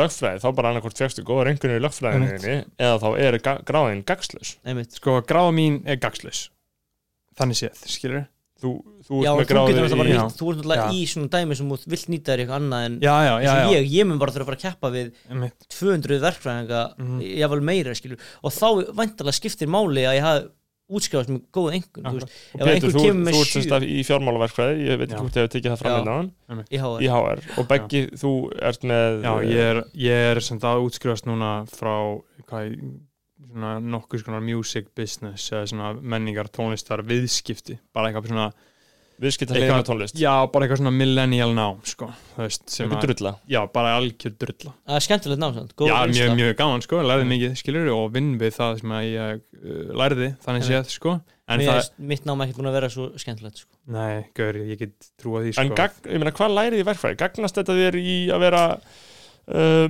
hvað sem það ert? þú veist, ég er í fjármálarfræðin en ég er mikið að læra um eitthvað svona, þú veist já, síðan er þetta allt bara starffræði í rauninni. Grunnurinn eins og allir með örfræði mm, en Þú veist, ég er alltaf bara ég, ég, veist, maður einhvern veginn hefur aldrei séð fram veist, ég get ekki ennþá séð fram á að hvenar ég mun nýta mér þetta. En bara svona, það sem ég veist bestu starffræði er einhvern veginn, þegar þú ert að læra starffræði eða líkindafræði eitthvað þetta er bara svo mikil rökhugsun allt. Já. að þú lærir svo mikið bara á að hugsa rökrétt í lífinu þú veist, ég er nota ekkert starffræði Er þegar ég er að ég hugsa bara, ok, heyrðu, þetta piano hérna, ég sé hérna piano og ég veit að það virkar út þessari X-formúlu. Já, einmitt, en þú veist ég hugsa verkfræðis í það, sko. þegar ég var, já, þegar ég var fyrst ári verkfræði þá var ég svo mikið upp í skóla og ég lærði svo ótrúlega mikið Mm. að ég var farin að vera sko hlaupabretti í rektinni og þegar ég eitt á stopp þá fór ég að hugsa hversu mikil neikvað hröðun var að eiga sér stað. Einmitt. þú veist, bara svona svona og öll grín sem var komið mhm, var tengt einhverjum formúlum eða eitthvað svona, ótrúlega umhverfilegt það er náttúrulega gaman. Nerd dæmi. Já, Nei, bara er en að fannst það óslega fyndið Já, það já, það af því og já. mamma sín strax sem maður sagði það, þá var maður bara, oh my fucking god þegar maður er ég kafi í einhverju svona þá náttúrulega verður allt bara fyndið sem er svona mjög sértækt grín á einhverju ákveðinu svona uh, sérmáli. En sko það sem ég náttúrulega bara eins og þú veist, það lítur að vera bara grundvallar funksjón bara eðlisfræðina, verkfræði náttúrulega bara eitthvað afbreyð eðlisfræði. Uh, eða svona, svona ákveð svona mm, hagnýt eðlisfræði í, grunninn. Já, ég lít, veist, ég lít, lít alltaf bara svoleiðis á þetta að verkfræði lítur bara að vera þannig að fólk lærir að bara nota þessa grundvallar funksjón eðlisfræðina sem er að líta á hlutina eins og þeir eru núna og út frá því sjá hvað gerist. Já, veist, það, þetta ástandi er einn þannig að niðurstaðan verið tveir. Já, þú veist, þetta námur eins og það er eini áfengin, fyrsti áfengin sem ég einhvern veginn núna að verið bara svona vákvæða magnað, ég mun örgulega geta nýtt mér þetta framtíðinni, var það sem ég var núna sem heit aðgerðagreining. Mm. og þá til dæmis er ég kannski með um, fimm starfsmenn og ég þarf að fylla svona mörg vaktablöðuna þessi getur bara unnað á mánudegi og þá sit ég bara fullt af skorðum og veist, svona markmið skilur og geta annarkur gert þetta bara í höndunum sjálfur eða bara nota eitthvað forrið en þetta bara svona veist, geta ræða að fundi bestu lausnina þú veist, líka bara ég á 20 kuppa og ég get búið til borð sem að notar þrjá kuppa og, Mm. og sem get ég búið til stóla sem að, eitthvað og ég fæ mismandi pening fyrir hvort og hvernig er best að blanda þessu saman já, já. bara svona hluti, þetta er eiginlega fyrsti áfengin sem ég hugsa bara svona vákvæða magnað bara lausnir, ég meina þetta er bara eins og ég var að tala um mann sem er á auðlýskastofu og ég var að spyrja á bara, ég meina þú veist, hvað er það í rauninni sem ég geri, ég meina, eru fyrirtæki að koma til eitthvað og segja, hei, við viljum nýja auðlýsingu nei, fyrirtæki koma til þeirra með vandamál Mhm. og þau þurfa bara lausn og ef að þau eru með verkfræði mentan gaur sem kann uh, já, eða gellu sem kann, Mhm. sem kann þarna, sem, sem kann Já. Bara að leysa má- vandamál, þannig að bara gengur það miklu betur og, Gjörðu, þetta, þetta er það sem mér langar mest í öll að læra. Mér langar til að læra bókald og mér langar til að fara námskeið á skattinum. Bara skattinum, Já, bara þú veist hvað er rétt og hvað er rátt, það veit að enginn. Það er svo fokkin mikið mythum hann úti sko, bókaldi hjá mér, eða bókaldi á klúbasöður Restlef, það er frekar miklu hakki að en þú veist, er ekki nóg að vera bara með endurskóðan sem gerir eitthvað einu svona ári fyrir þannig séð en ég þarf samt líka að gera það sjálfur skilur, ja, vita hver og hvaða pening inni og þú veist, hvaða skatt þarf að borga og fá listamenn einhverja tvær miljónir á ári sem er fá skattfrjálst eða er það myth eða, það er, þú veist, það er bara ef þú notar ekki persónafslóðin þinn, neitt þá virkar, þú veist, verktækagreislunar það er upp í tvær miljonir en ef þú Mm. ert að vinna einhverjum til hliðar Já. og fara á launaseðil þá fokkast þetta upp þér. þá já, er þetta ekki einhver, þú veist, þetta er bara þannig að þetta coverar tvær miljonir af launum þú veist, yfir öll launin, fattar, þú Mhm. getur ekki fengið persónafslóðin á laununum og síðan tvær miljonir verktækagreistur en getur þetta samt deilst eitthvað Já, getur smá já. smá hitt þú nýtir bara allan Já, persónafslóðin eftir í þessa verktækagreistur einmitt. og síðan þarftu bara að borga 100 ára skati Já. en veist, er En ég væri, ég væri málið, er, ég væri til að heyra þetta frá ofnbjörnum starfsmanni Já, ekki mér, RSK, já, ekki á þér, skilur skilur En það er líka ótrúlega að fyndi hvað þú getur enda á með að vera með umulega endurskóðandi. Ég hef heyrt um eins og marga sem eru bara þurfa að hætta með endurskóðandi sinni eins og þú veist, ég ætla ekki að nefna hana tölur Mhm. en þú veist, Flóni hann þurfti að borga bara frekar lítið í skatt held ég Mhm. sko, hann var reynda mjög duglur að taka nótur og svona, Mhm. við erum allir sem að kifti og hann alltaf kaup sjúkur Já, já, er en þú veist, síðan voru sumir aðri sem voru kannski ekki að fá jafnmengla tekjur á hann en enda með að borga miklu meir skatt. Já. þú veist, það fer bara eftir í hvað endurskóðandin er klár og góður í að finna einhver svona þú veist, Já, ég hvort að sé lúp nei, nei, en svona bara ákveðnar, ákveðnar lausnir eins og Herra, herra herra, herra er með góðan endurskóðanda, sko. Já. Peningur fóru til að koma eftir inn, sjáta Já, á þetta á einmitt. endurskóðanda minn, sko. En þú veist, þeir eru allan að kunna að vita allt sem hún getur gert. Mm. bara, þú veist, ég veit ekki hversu hvernig það virkar Já, já, ég meina þeir hljóta að fara lögulega leiðir að þessu. En ég meina það er líka bara, þú veist eins og fólk er svo misgott í starfi. Ég held að það sé bara fullt af fólki allstar í atvinnlífinu sem Já. er svo fucking heimst og sem, lélegt sem er bara umlega kvíðasjúklingar skilur En þú veist, samt þú pælir svona, þú veist að tala um með þarna gráðuna. Já, þú veist, með viðskiptafræði og eitthvað. Mm. Ok, ég fer út af verkfræði og það er svona, það er held ég frekar gott að vera verkfræðingur, ég veit það ekkert. Maður bara heyrir hluti og maður trúir því. Mhm. en þú veist, ég held að verkfræði sé alveg góðu grunnur fyrir allt í rauninni, eða svona flest allt, þú veist, ég er ekkert að fara að vera læknir að ég klára verkfræði en þetta er bara ótrúlega þungt nám og mikil starffræði þannig ekki ég myndi að fara í bókvæslu Já, þá ætti ég alveg að geta reiknað einhverja vexti og svona bara í viðskiptafræði bara svona Mhm. dæmi sko. En núna eru svo margir í viðskiptafræði því það er bara einhvern veginn þeng að allir sem að veit ekki hvað það er að fara bara í Mhm. viðskiptafræði Einmitt. í HR Það er náttúrulega ógisla að finna að þegar það er uppgangur í efnæðslifinu þá gerist það. Veist, eins Við vorum að tala um það því ég er náttúrulega í, í íslensku hugvísindum bókmyndafræði uh, Þar voru, þú veist, kursarnir þar sem við erum tíu núna Mér skilst að það hafi bara verið 100 manns í þeim 2009 já, einmitt Þegar allt var hrunið og engin von í hagkerfinu þá fór allir að læra eitthvað skemmtilegt En núna þegar allir sjá fram á að geta hugsanlega orðið ríkir, Já, þá fara þeir í einmitt. viðskiptafræði sko. Þannig að óvissu, óvissu flóðið er allt þangað inn sko. sem Já, er mjög búin að vera í sko. nokkur ár eða ég meina þú veist, viðskiptafræði er búin að vera bara eitthvað vinsalasta einhvern og tíma þetta hlýtur að vera náttúrulega bara orðið jafn mikils virði og vera bara með eitthvað döðs vestlunapróf, skilur já, Já, bara skilur ég Ég að veit ég hvað það er sko. ég held að þessi er bara einhvern gummul hefð. Já, er einhver er að mæta í með flóni kannski með peysaprófið Hvað er það? ég veit ekki það er Er það eitthvað verslun? tvö Það það er vestlunarpróf sko. það er eitthvað sem þú færði þetta tvö ári vestló og þetta er bara svona eins og það var í gamla dag að sé basically er bara einmitt í það. dag. Já, og er það fagna því? Já. það er náttúrulega búið að breytast alltaf út af þessu þryggjaru. Já, peso er í dag. Peso er í dag maður. Maður uh, verður náttúrulega ekki við sagði það. enginn aldrei Sexy og morgun er frí. Þau fáður líka djamma í kvöld. Það er tjámi kvöld Bátið sko. Fá, því heldur þau fá ekki að drekka. Er ekki verið að banna það staðar?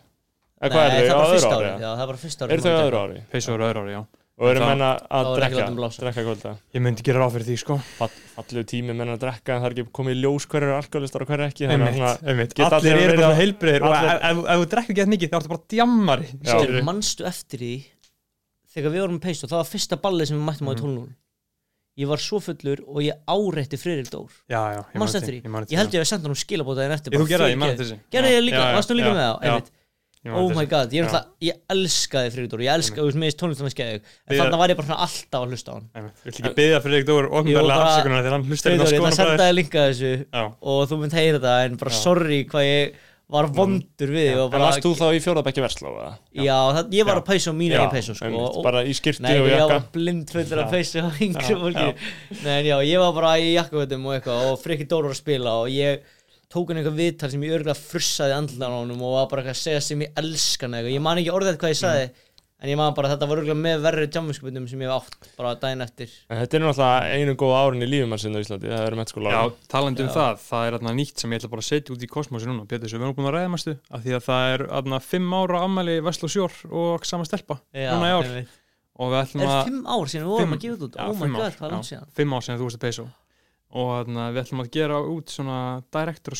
er já. sem þú og þarna, við Já, skilur það sem að við söpnum öllum saman, allir sýtt í sófa og horfum á alla þættina og öll lögin og alla, og síðan alltaf ítt að pásu og tala um hvað er í gangi hérna, skilur ok, ég er til það og voru að segja líka hvað við ætlum að gera okay, þú, Hefur þú séð sveitina? ég Já. hef séð sveitina þau sko. séu sveitina, og það var, Já. hvernig fannst þér það? Uh, allt í læ þið getið náttúrulega bara útskýrt af Já. hverju gáðu það ekki út ef við ekki Einmitt. ætla ekki Já, að það, er, það var náttúrulega kannski að við útskýrum aðeins betur sko. þetta er svo 12.0 uh, árið 2014 til 15 Já. það voru þessi tveir tveir herramenn Berþó Másson og Pétur Kjernan já, besta 12.0 all tíma Já, þú veist, það er svo gott að maður geti talað svona jákvæmt um þetta núna þegar það er svona langt síðan, Einmitt. skilur en maður er að gera þetta fyrir fjórum Ég árum, veit var þetta ekki hvort allt þú vorum skrítið, skilur. betri en samt Víkin Gauð, miklu betri Er Eða, þú það? veist, já, þeir Þeir Var voru samt ekki- með svo góðlegu líka þú veist, Við Já, vorum já. með geðglöðu en þeir voru líka þeir, með þeir voru geðglöðu kannski aðeins öðruvísi þeir náðu ekki þessu crossoveri sem við náðum sko. Nei, en það er alltaf bara breytti tímar Fattur þú? Ekkert Já. vitnilega ég er að tala um bara núna er þú veist Internet og Twitter og allt voru svo hjút já, já, auðvitað Það er bara auðvitað. aðgengi að verða eitthvað svona akkurat, akkurat. En já, þú veist hvað, ég er ekki grínast. Mhm. Ég þið held- ætlaði að mjólka þetta áfram þið ætlaði að við- setjast nokkri kallmenn og ræða hvað þið voru frábærir. uh, nýju karlmenn saman í Það sófa. Er ekki bjóður þetta jú, auðvitað, Já, auðvitað. Eina gælan sem nýju var í tólunum nýju, karlmenn og ein kona og setja saman, ég er ekki búin að ræða þetta alla ég á eftir að ræða þetta við Gústa En alla aðra en ég held að ég sé búin að tala um þetta við alla aðra sko. Eitt í nótsill var mjög peppaður. Hann sagði bara pott fullur eitthvað já, að hann samtala hann við fullur hann sagði bara nefndi stað, nefndi stað, nefndi stað. Þannig að þið haldið áfram þetta var náttúrulega heldur vinsalt á sín tíma þannig að maður getur gert ráð fyrir að, að fólk horfi á þetta. Einmitt, allir orðnir skilur það veist aðeins eldri og feitir og stelpurnar sem það fíluðu ykkur á ekki tíma eru bara svona einmitt. já, En þetta, þú veist Þetta lag aðeins meira bara vinir. Mhm. Ég held ángriðs að það var alveg gert bara frekar mikið fyrir okkur alla sko á hvað átt þá Bara þú veist þess að ég kynntist öllum strákunum hér Já. Út af því Einmitt. þú veist, nei, ég veit ekki hvort það hjálpaði Brynjar og Aron eitthvað, það tengir kannski engin klöpta við 12-0 Jú, jú, Jú. gaur, það er þeirra að spila grunnskólabölu Það var Já, en, en, á, en sko. þú veist Brynjar samt líka, var Brynjar ekki, fekk hann ekki einhver svona leiklista, já, þeir náttúrulega fóruð það á vísi Já. já, Já. og þú veist, eitthvað svona dæmi, en þú veist, ég kynntist Loga og Bjart og allt þetta bara gegn þetta lag. Mann sem Logi Einmitt. var það að tvítum þetta lag, Já, hann var að spila einmitt, þetta fimm kvöldur röð. Þegar var hoppað á þetta 12-0 klát sko. Já, einmitt, Já. það var heldur stert á svegin tíma ég Já. meina, 12-0 klátið var lett við náttúrulega sko páskafrið Já, eftir Páska, 12-0 páskafrið 2015 það var eftir 12-0 hjá okkur, það var Nei, við vorum, við 12-0. vorum ennþá í vorum ennþá í gangi, við vorum nýtt að gefa Bachelor rétt einmitt, Við vorum bara píka. einmitt, oh my Já. god. Fór að ná hámarki á flugi Íkarosar og Já, í, við og við vorum húsgögn á preikinu Já, ég man ekki hvernig páskafriðið var. Ég held að við höfum bara verið allt páskafriðið Sko þetta var það sem ætti að vera í gangi akkur núna af Því að þú ert með frídag bara inn í öllum miðjum einmitt. Þú ert með fösta laugardag og síðan Já. komið ykkur þriðdagur og síðan komið ykkur miðvikudagur síðan komið ykkur fimmtudagur, síðan komið aftur fösta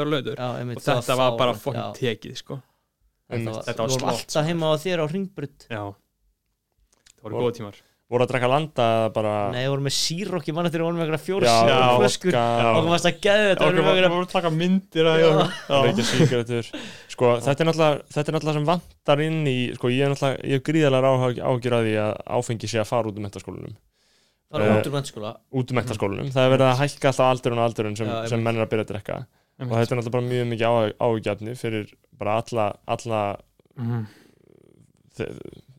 Ég, ég, ég veit ekki, bara fyrir alla finnst Ég mér veit sko. vissi ekki að því Sko, að ég- að það- það er- er bara búið að stytta mentaskólan í þrjú ár og síðan eitt ár það er að tvö væða mentaskólan að sko. En sko ég er alltaf á því sko, alltaf verið að tala um að það er verið svona forvörn að krakkar ekki að byrja að drekka snemma. Ég segi fuck that sko. Ég segi jú jú, Byrja að 15 ára og Já. hættu 22 ára. Bara hættu þessu. Líka málið það, ég Björgvöld munið ekki eftir Björgvöld Maður var alltaf Björgvöldum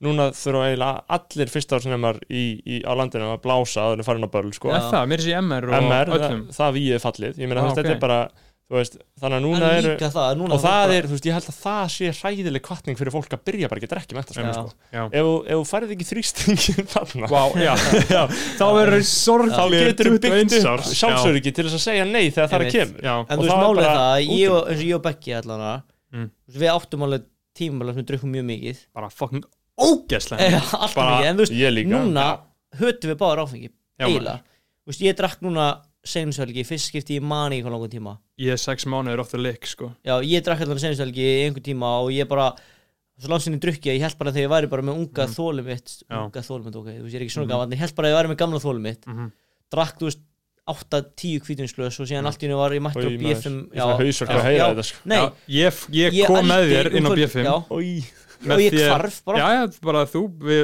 við, við, við komum akkurat inn að því að hinni sem voru með okkur voru á öðrum bíl og Já. við vorum á einum bíl, skilur og ég fór einn inn með þér, skilur og síðan þurftu allir aðrir að býða í hálftíma röð þannig ég var einn inn á B5 að meðan þú varst bara komin inn í svartólið Já, ég var mætt, já, ég, nýgur, sko, ég ma- var í hennu mættur á flösku. Mm. Birgit líka búin að kaupa flösku. Og hún heldi drikk fyrir mig og ég man að þetta var það versta sem ég á æfinni smakka Mhm. það var Drakkst kristall í vodka. Það? Ok, er það, hún var svo snið hún gaf mér glas sem var helmingur vodka, helmingur kristall. Ímynda ykkur hvað það vant, það var ógislegt Já, hljómar ekki vel. tók hún upp eitthvað duft úr töskunni sinni. Vill- hljómar ekki vel. Nei, já, einmitt, og þú bara tókst kókaðin á. Nei, og hún tók eitthvað kaloríu lausan, þetta var svona geitori duft Já, og hellti heilum svona pókoni og drikkurinn var bara ótrúlega góður. Já, ok. bara ég gæti bara drukkið eins og það var ekki henni vodka bara þessu. Mhm. þannig að ok, þá kláraði ég glasið. Endaði með, ok, endaði með að kvöldið var bara í eldi og ég man ekki neitt. Mhm. bara vaknaði daginn eftir það var bara rútuslis. Ég bara gat ekki hrift segja þetta. Nei, ég lá Já. til átta um Ái, kvöldið ái, yfir verð þinn fór beint í leikhús. Og var í leikhúsinni að svitna svona þingu svita og hugsa hvað ég hata leiklist og bara svona vildi fara sínu Ég, þú veist, vá maður. Ég er að fara að klára prófin núna á mánudaginn sko Og ég er búin að tala með, ég ætla að drekka heila vínflösku en vín er svo gott, ég elska vín svo mikið. Drekka heila náttúruvínsflösku uh, Og Gaur, náttúruvín er mesta fucking afsökun fyrir Já, ég veit alkoholisma ekki hvað í heiminum, mér finnst bara Mér- rauðvin og Já, hvítvin mér er alveg sama hvað það er svolítið er. súrt náttúruvín er svona á þessu epla edik það er svona Já, Svona gerjað. sko. En þú veist, ég, ég bara, þú veist, eins og ég segi Ég er hættur um að, að þú veist, ég er alltaf núna að segja alltaf bara, já, ég er í prófum, ég get ekki verið að djamma Ég er í prófum, ég er í prófum, ég er í prófum. Af Því ég nenni aldrei að fara að ég Það er ekki allir sem hugsa svo leis Það er einhverju sem að drekka í prófunum. Já, já, þó nokkra Vinir, allir þessi alkoholistu vinir þínir Einmitt. alltaf nýri bæ. Já. Þeir bara einhvern Þeir finna bara til en það er bara þriðju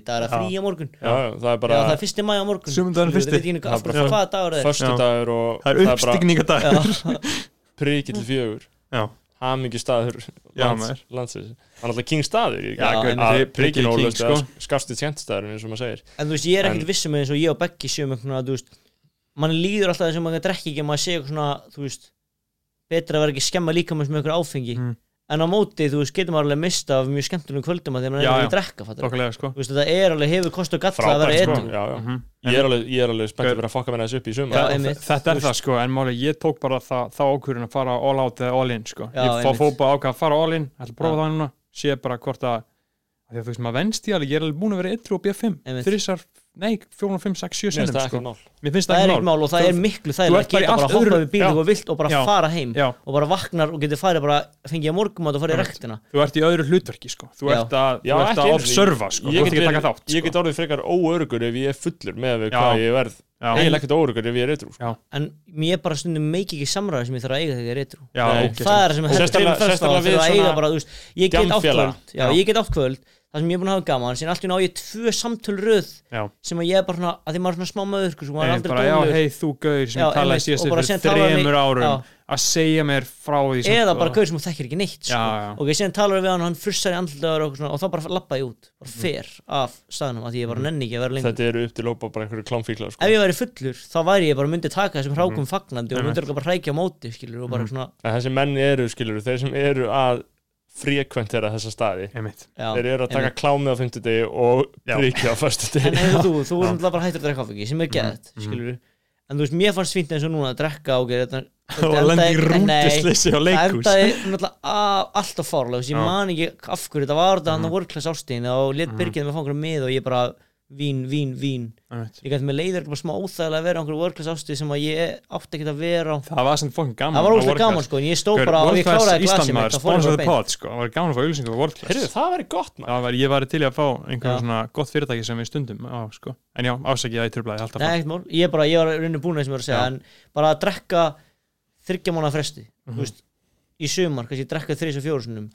segja Já. Mhm. þú veist, það það er bara fínt fyrst mér, skilur ég þarf ekki að drekka Helviti þessu helgi en Mhm. mér langar samt Það er stundum að geta veist, Það er að koma kælir í vínbúðina sko. kælir í umbúinu, já, fá kaldan Það getur keitt kallt, kallt sko. Já, og fengið sæti á bekknum inn á eðistorki og drukkið heitt kaldan slott Það verður ég sko Já. Nei, nei, en það er náttúrulega Ég held að þetta sumar verður gott Það er sumafrí í vændum maður og Það er bara allt að gerast Mhm. og sko, þetta veður alveg tísa mann vel. Já, þú veist, það er bara veðrið fyrstu aðeins mæ og það er að bara sko. átján gráður og bara, heiðskil bara átján gráður? Ég ætla hann að setti hausin út um gluggan og með leiðin sem ég var á spáninni Já, og lá alveg, ég svitnaði sko, ég Mhm. fór á svalun og svitnaði bara við hittan ég þurfti að taka með pásur, þú veist hvað svo oft gerist á Íslandi gerist aldrei ég, Ég trú ekki sá, að ég, gert það ég sá mynd sko, eitthvað samanburð fyrsti mæ fyrir þú veist fimm árum Mhm. og fyrsti mæ núna, það var bara snjór. Ég Ísland er bara svo síbreytilegt Ég man alltaf að mæ- snjóaða fyrsta mæði 2011 Já, þú áttu náttúrulega ammæli í gær Já, ammali Já. einmitt. 22 ára 22 gamall. ára, ég er að vera gamall Já. uh, Þetta er náttúrulega svolítið veist, Núna er maður þarna, uh, Núna er ég orðin 22 ára Mér líður eins og 92 mótil síðan þá 22 Og ég sé 17 átján. Já, einmitt. En núna eru 92 mótil bara 27 ára. 27 ára. Gætu verið fóreldrar mínir. Gætur Hugsa. Já. Já, líf Nei, Nei, ekki líffræðilega, en þú veist. En munið þess að En gætur eftir verið fóreldrar 15 ára batna Já, því Líffræðilega þar að segja, þú þurftu að taka 12 ára sko. En munið ekki eftir Það því er- að já. maður var 18 ára og þú veist, maður var alltaf að heyra gauðir sem voru 22 ára að segja Mhm. eitthvað svona, þú veist, ungur eitthvað svona, einmitt. maður pælt aldrei í því þetta er bara svona eitthvað sem að eldri fólk segir en þú veist, um daginn var ég að fara eitthvað ammali og ég mætti með rauðvinsflösku í ammalið til að gefa ammalismatninu Mhm. og ég þá legit hugsaði ég er orðin gaurin sem mætti með rauðvinsflöskur í ammalið til að gefa. Já, og þannig að ég er orðin gamall? Mér finnst það svo sjálfsagt sko. Ég var náttúrulega Já, þetta var meiri- ekki, þetta var ekki ammali hjá einhver svona jafnaldra mínum, þetta var bara eitthvað svona sem ég var að mæti í eitthvað svona fullorinn sammáli já, og ég bara sem- vinkunum eitthvað. Já, bara svona, ég mætti bara með rauðinsflösku til að vera bara næs að mæta með gjöf. Þú veist, ef ég er unlingur þá er maður alveg sama, ég mætti að því ég ætla að borða kökun að er bara fara, tilbúin að svífa það að einmitt, en ég mætti að ég vildi bara vera, þú veist, virðulegur og bara ekki vera bara svona sko, dýr sem mætti til að borða. Það ég vil meina að lífið sé epic sko, ég ætla frá 1 til 15 ég tel ekki með, en frá svona 16 ára upp í, ní, upp í 20 ára, það var gaman og síðan 20 upp í 23, það var ömulegt og síðan 23 upp í núna þá ertu alltaf góður Þú er sko. basically að tala um einhver til háskóla Háskóla árin Háskóli, það er að leiðilegasta sem ég veit um. Já, mentaskóli epic. Ég hlakka Háskóli er að bóstara fram á ein svona, löng sko. þjáning. Já. Meistranám, það sem maður er kannski eitthvað að gera já, eitthvað ég- ég og vonandi til að bara ekki á Íslandi. Nei, nei, sem það væri óskæmt að fara til útlanda. út fyrir þægindaramman Já, já, allan að bara út fyrir, sko, ég meina. HÍ er bara, þú veist, ég verð bara sorgmættu að um að, þú veist, bara frá, frábæri kennarar og frábært fólk en bara stemningin hann er bara, þetta er bara einhver fucking steipu klumpur af ömulegri stemningu sko. þið komum að sinna þetta, eða ekki í þætti 0 Hvað er það? sem- hvað var að tala um þar? Þið voru að tölu- töluðum þá um HR og HÍ Háir, háir, Jú, jú, Vestló og MR þá. það er bara mjög fer líking Jú, ég myndi segja, þú veist, að HR það er alveg Þú veist, það er alveg stemming skóli, þú veist, ég Já. náttúrulega hef enga reynslu á HÍ en alltaf ekki að heyra eitthvað fólk í HÍ tala um HÍ þá er það bara svona sem ég að segja það sé bara gamaldags eitthvað. En þú veist, ef þú vilt velja háskóla fyrir virðingu og framhaldið og geta sótt um góðan skóla í bandaríkjunum eða eitthvað, Mhm. þá átt að velja HÍ af því þeir Er eru bara miklu virtar og eldri háskóli. skóli og bara HR er bara eitthvað svona eitthvað, atvinnulífsháskóli, já, bara eitthvað, þú veist tala gett mikið um að þessu eitthvað svona framsæknir og svona en þetta er bara, þú Þú getur alveg röflað með eitthvað djúfisins nýsköpun en Já, þú ert bara ánægðin veist, listum, þau eru bara ennþá að finna sér basically sko. við erum miljur sem minn árgangu sem bara eitthvað tilrunadýr við erum alltaf að lenda bara í einhver svona já, ætlum að prófa þetta núna.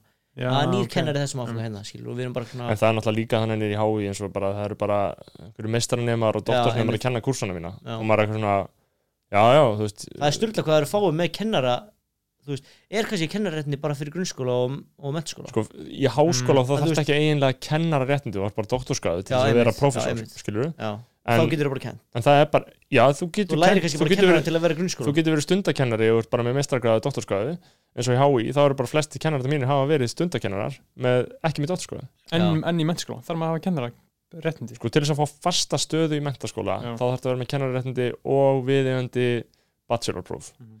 Uh, ég held að þú getur fengið fasta stöðu bara með því að vera með bachelorpróf Já. og meistargráðu og meistargráðan þá þarf það ekki að vera kennararéttindi Einmitt. en þú veist, eins og hefur þú ekki lendi í það fyrsta árið í HR það er svona mjög gott aðgengi að einhverju efni og góði kennarar.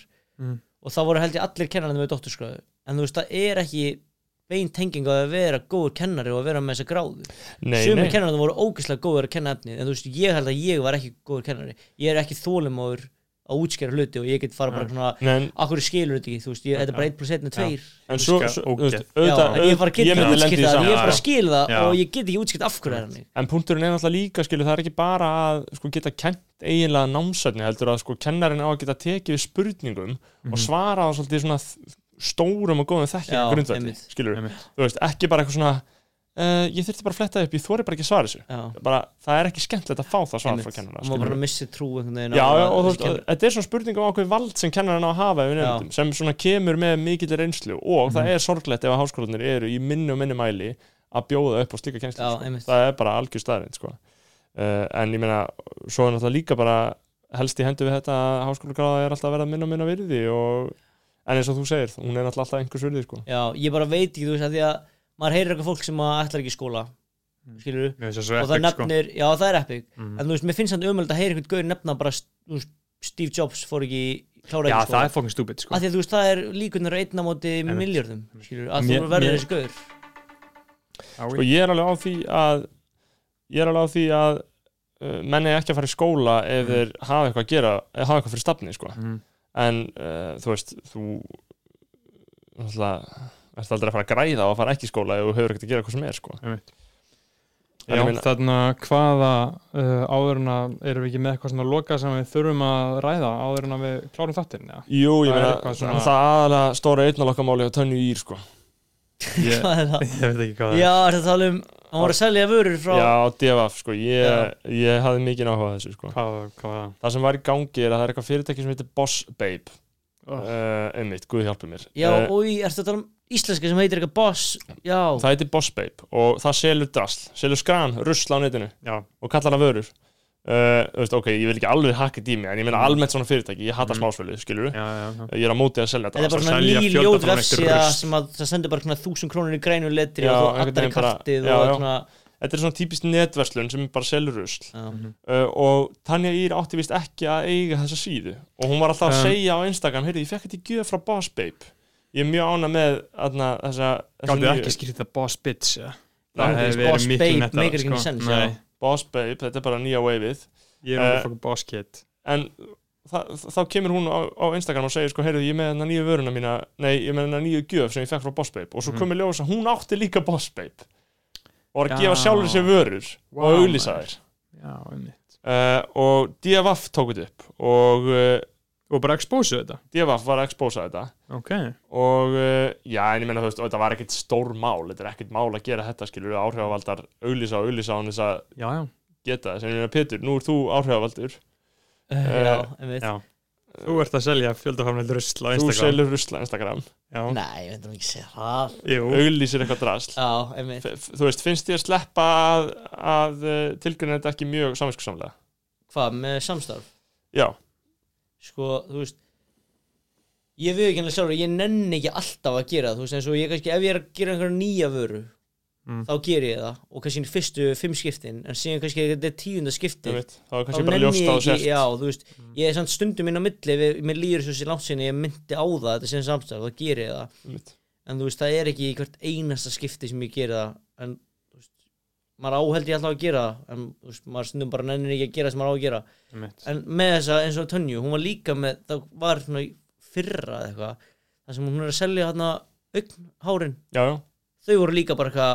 að frá AliExpress og hún bara setti það nýja Já, pakninga það er bara punkturinn, sko Já. Mér, mér finnst þetta viðbjóð, sko að Mér finnst þetta svo sikk að Þetta er það ógíslegast sko.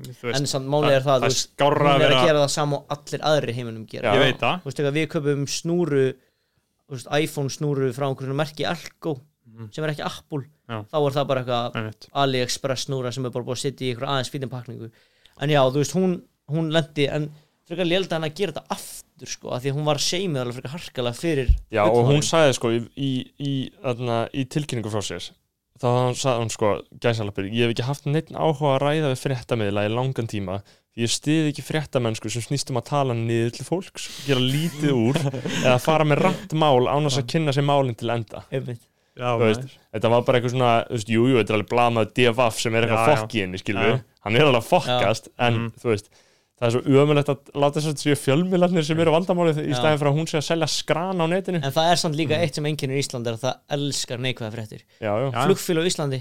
Mhm. það er bara eitthvað Æslandir flugvél er senkað um hálftíma í Svíþjóð. Það er bara Æslandir flugvél satt eftir á flugvelli í Svíþjóð og allir bara kommenta bara svona Íslandingar náttúrulega bara elska Get- flugfréttir. Já, það elskar, og neikvar flugfréttir það elskar. Bara heyra einhverju fólki sem er fast á Alicante Já, skilur, og fólki er bara ég lendi einu sinni í því að vera fastur á Tenerife í fimm tíma og maður bara svona, þú veist, Mhm. reynslu sögur af einhverjum svona dæmi Ég átt skrifafréttir um eitthvað svona drast, bara eitthvað smáatri en Já. það vilja allir heyra um flug, sko. Vil En sko málið er að ég er náttúrulega áreitt að það að það er ekki fjölmiðlandi sem eru vandamálið heldur eru það auðvitað fólki, fólki, sem eru já, af því áhuga að sko. fjölmjölna Fjölmiðlar munu bara endurspegla það sem fólki Já. vill, sko.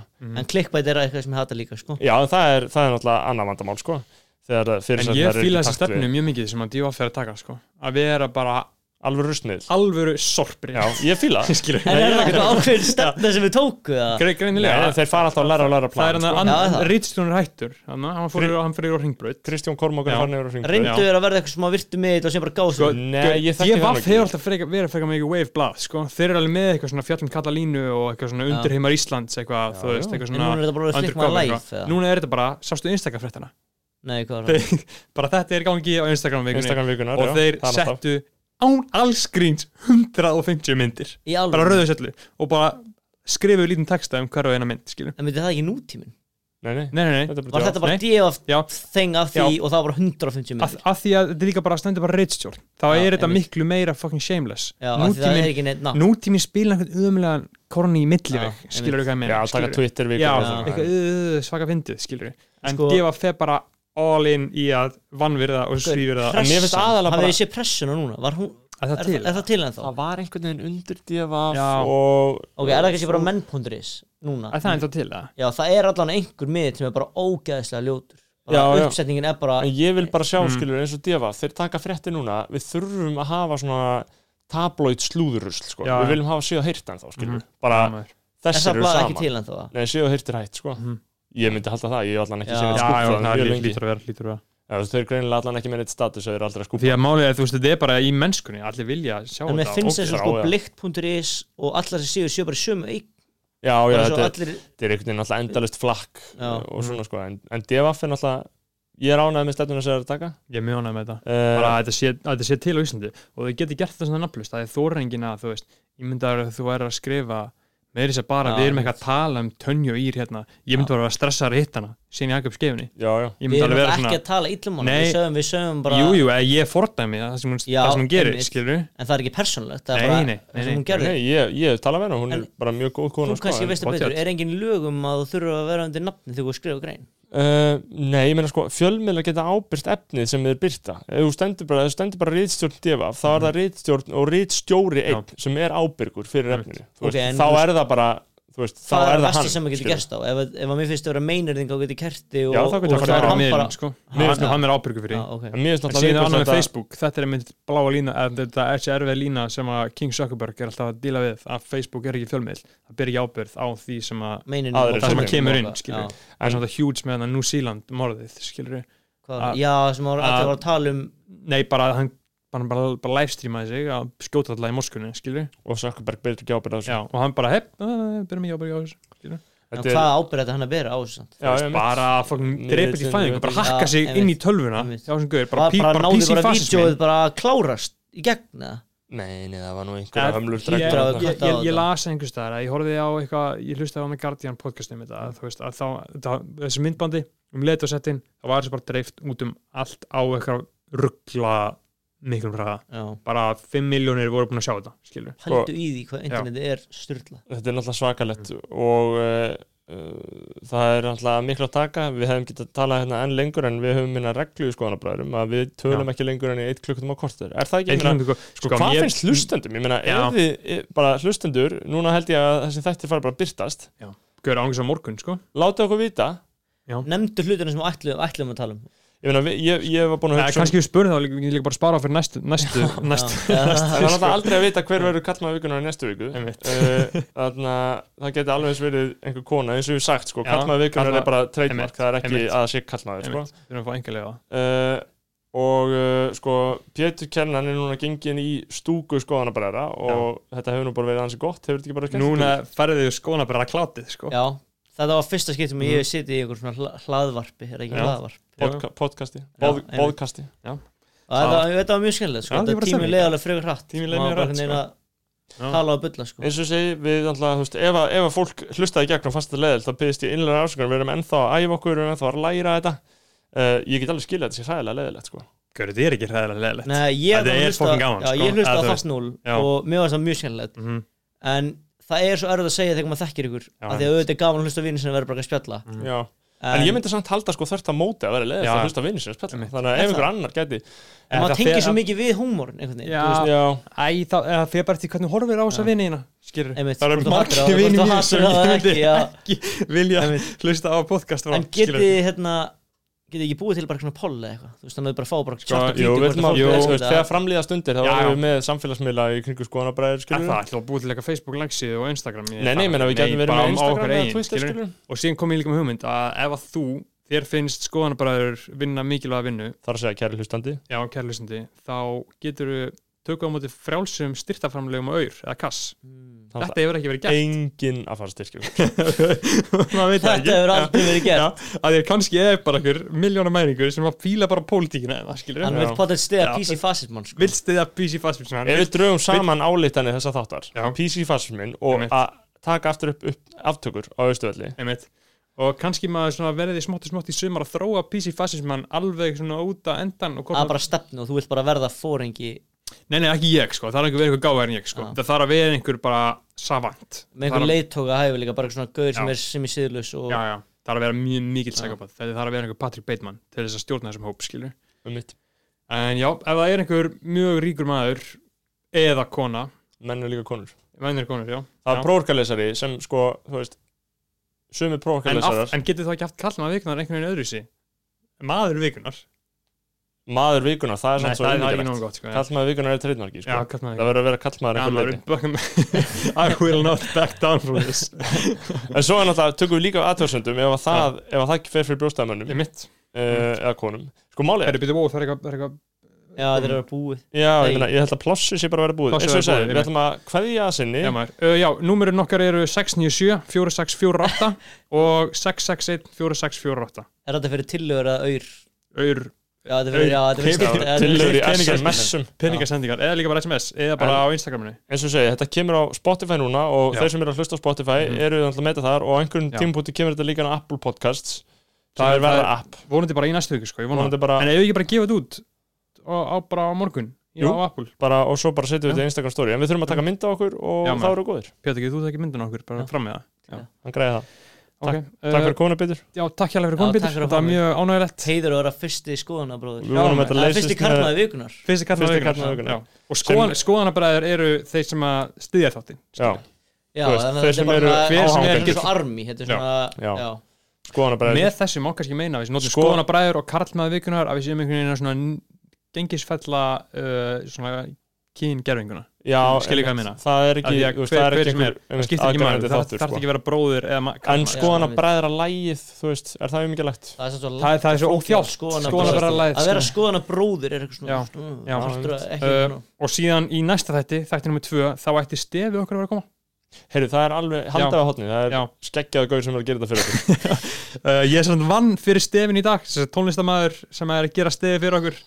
Mjög hæfur og góður, mikill king, hann er að flytja í Vesturbæinn og ég fór og kerði sem sagt upp í skútuvók mm. til þess að uh, bera ískáp með honum bara til að vinna fyrir stefin leðilegasta sem ég gæti hugsað mér að gera Já. ég myndi aldrei gera það, ég myndi ekki gera þetta fyrir 300 En málið er, ég gerði þetta, hann, hann sagði bara herri, ég er að fara að bera hérna ískáp en hann er að koma inn í skútuvóðin sem er að sækja hann og hjálpa mig með hann inn í bílinn og síðan keira með mér heim og, hérna, og bera hann síðan upp í blokkina mína skilurðu. En þú spurði hann þig með því að þú myndir fá stefi í staðinn eða bara baða um þetta sem bara greiða. Þetta og bara- ætlaðist bara til þess að þú myndir gera Þetta var bara svona gentleman's agreement skilur, Já, ok. þú veist, ég gerði þetta bara því að ég vil hafa hann góðan á Einmitt. minni hálfu til að gera stefi þannig að hann mun gera, stefi ef einhver myndi byggja mig um þetta og ég væri ekki svona í þinni stöðu Mm. þá væri ég að gera eitthvað annað sko.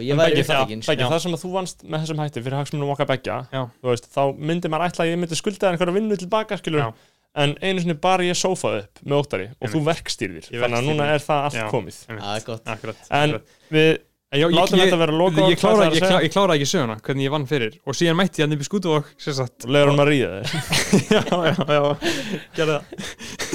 Síðan mætti ég hann upp í skútuvók og þá satt hann í bílinn sinum og komið með ískápin inn í bílinn sinn Já, það sem ég- að ég átti að koma í skútuvók til þess að hjálpa hann að gera að Gunns var að vinna ískápbúin bara að gera það með fattarðu? og hann leiti ekkert vita að þetta væri að gerast. þú veist það var bara ekki næði tími að því við vorum bara á sama tíma en ég, þú mæ- hjálpa hann með þetta upp. Já, ég, ég, ég, ég keri upp í skútuvók bara alveg til einskis á bílnum okkar? Já.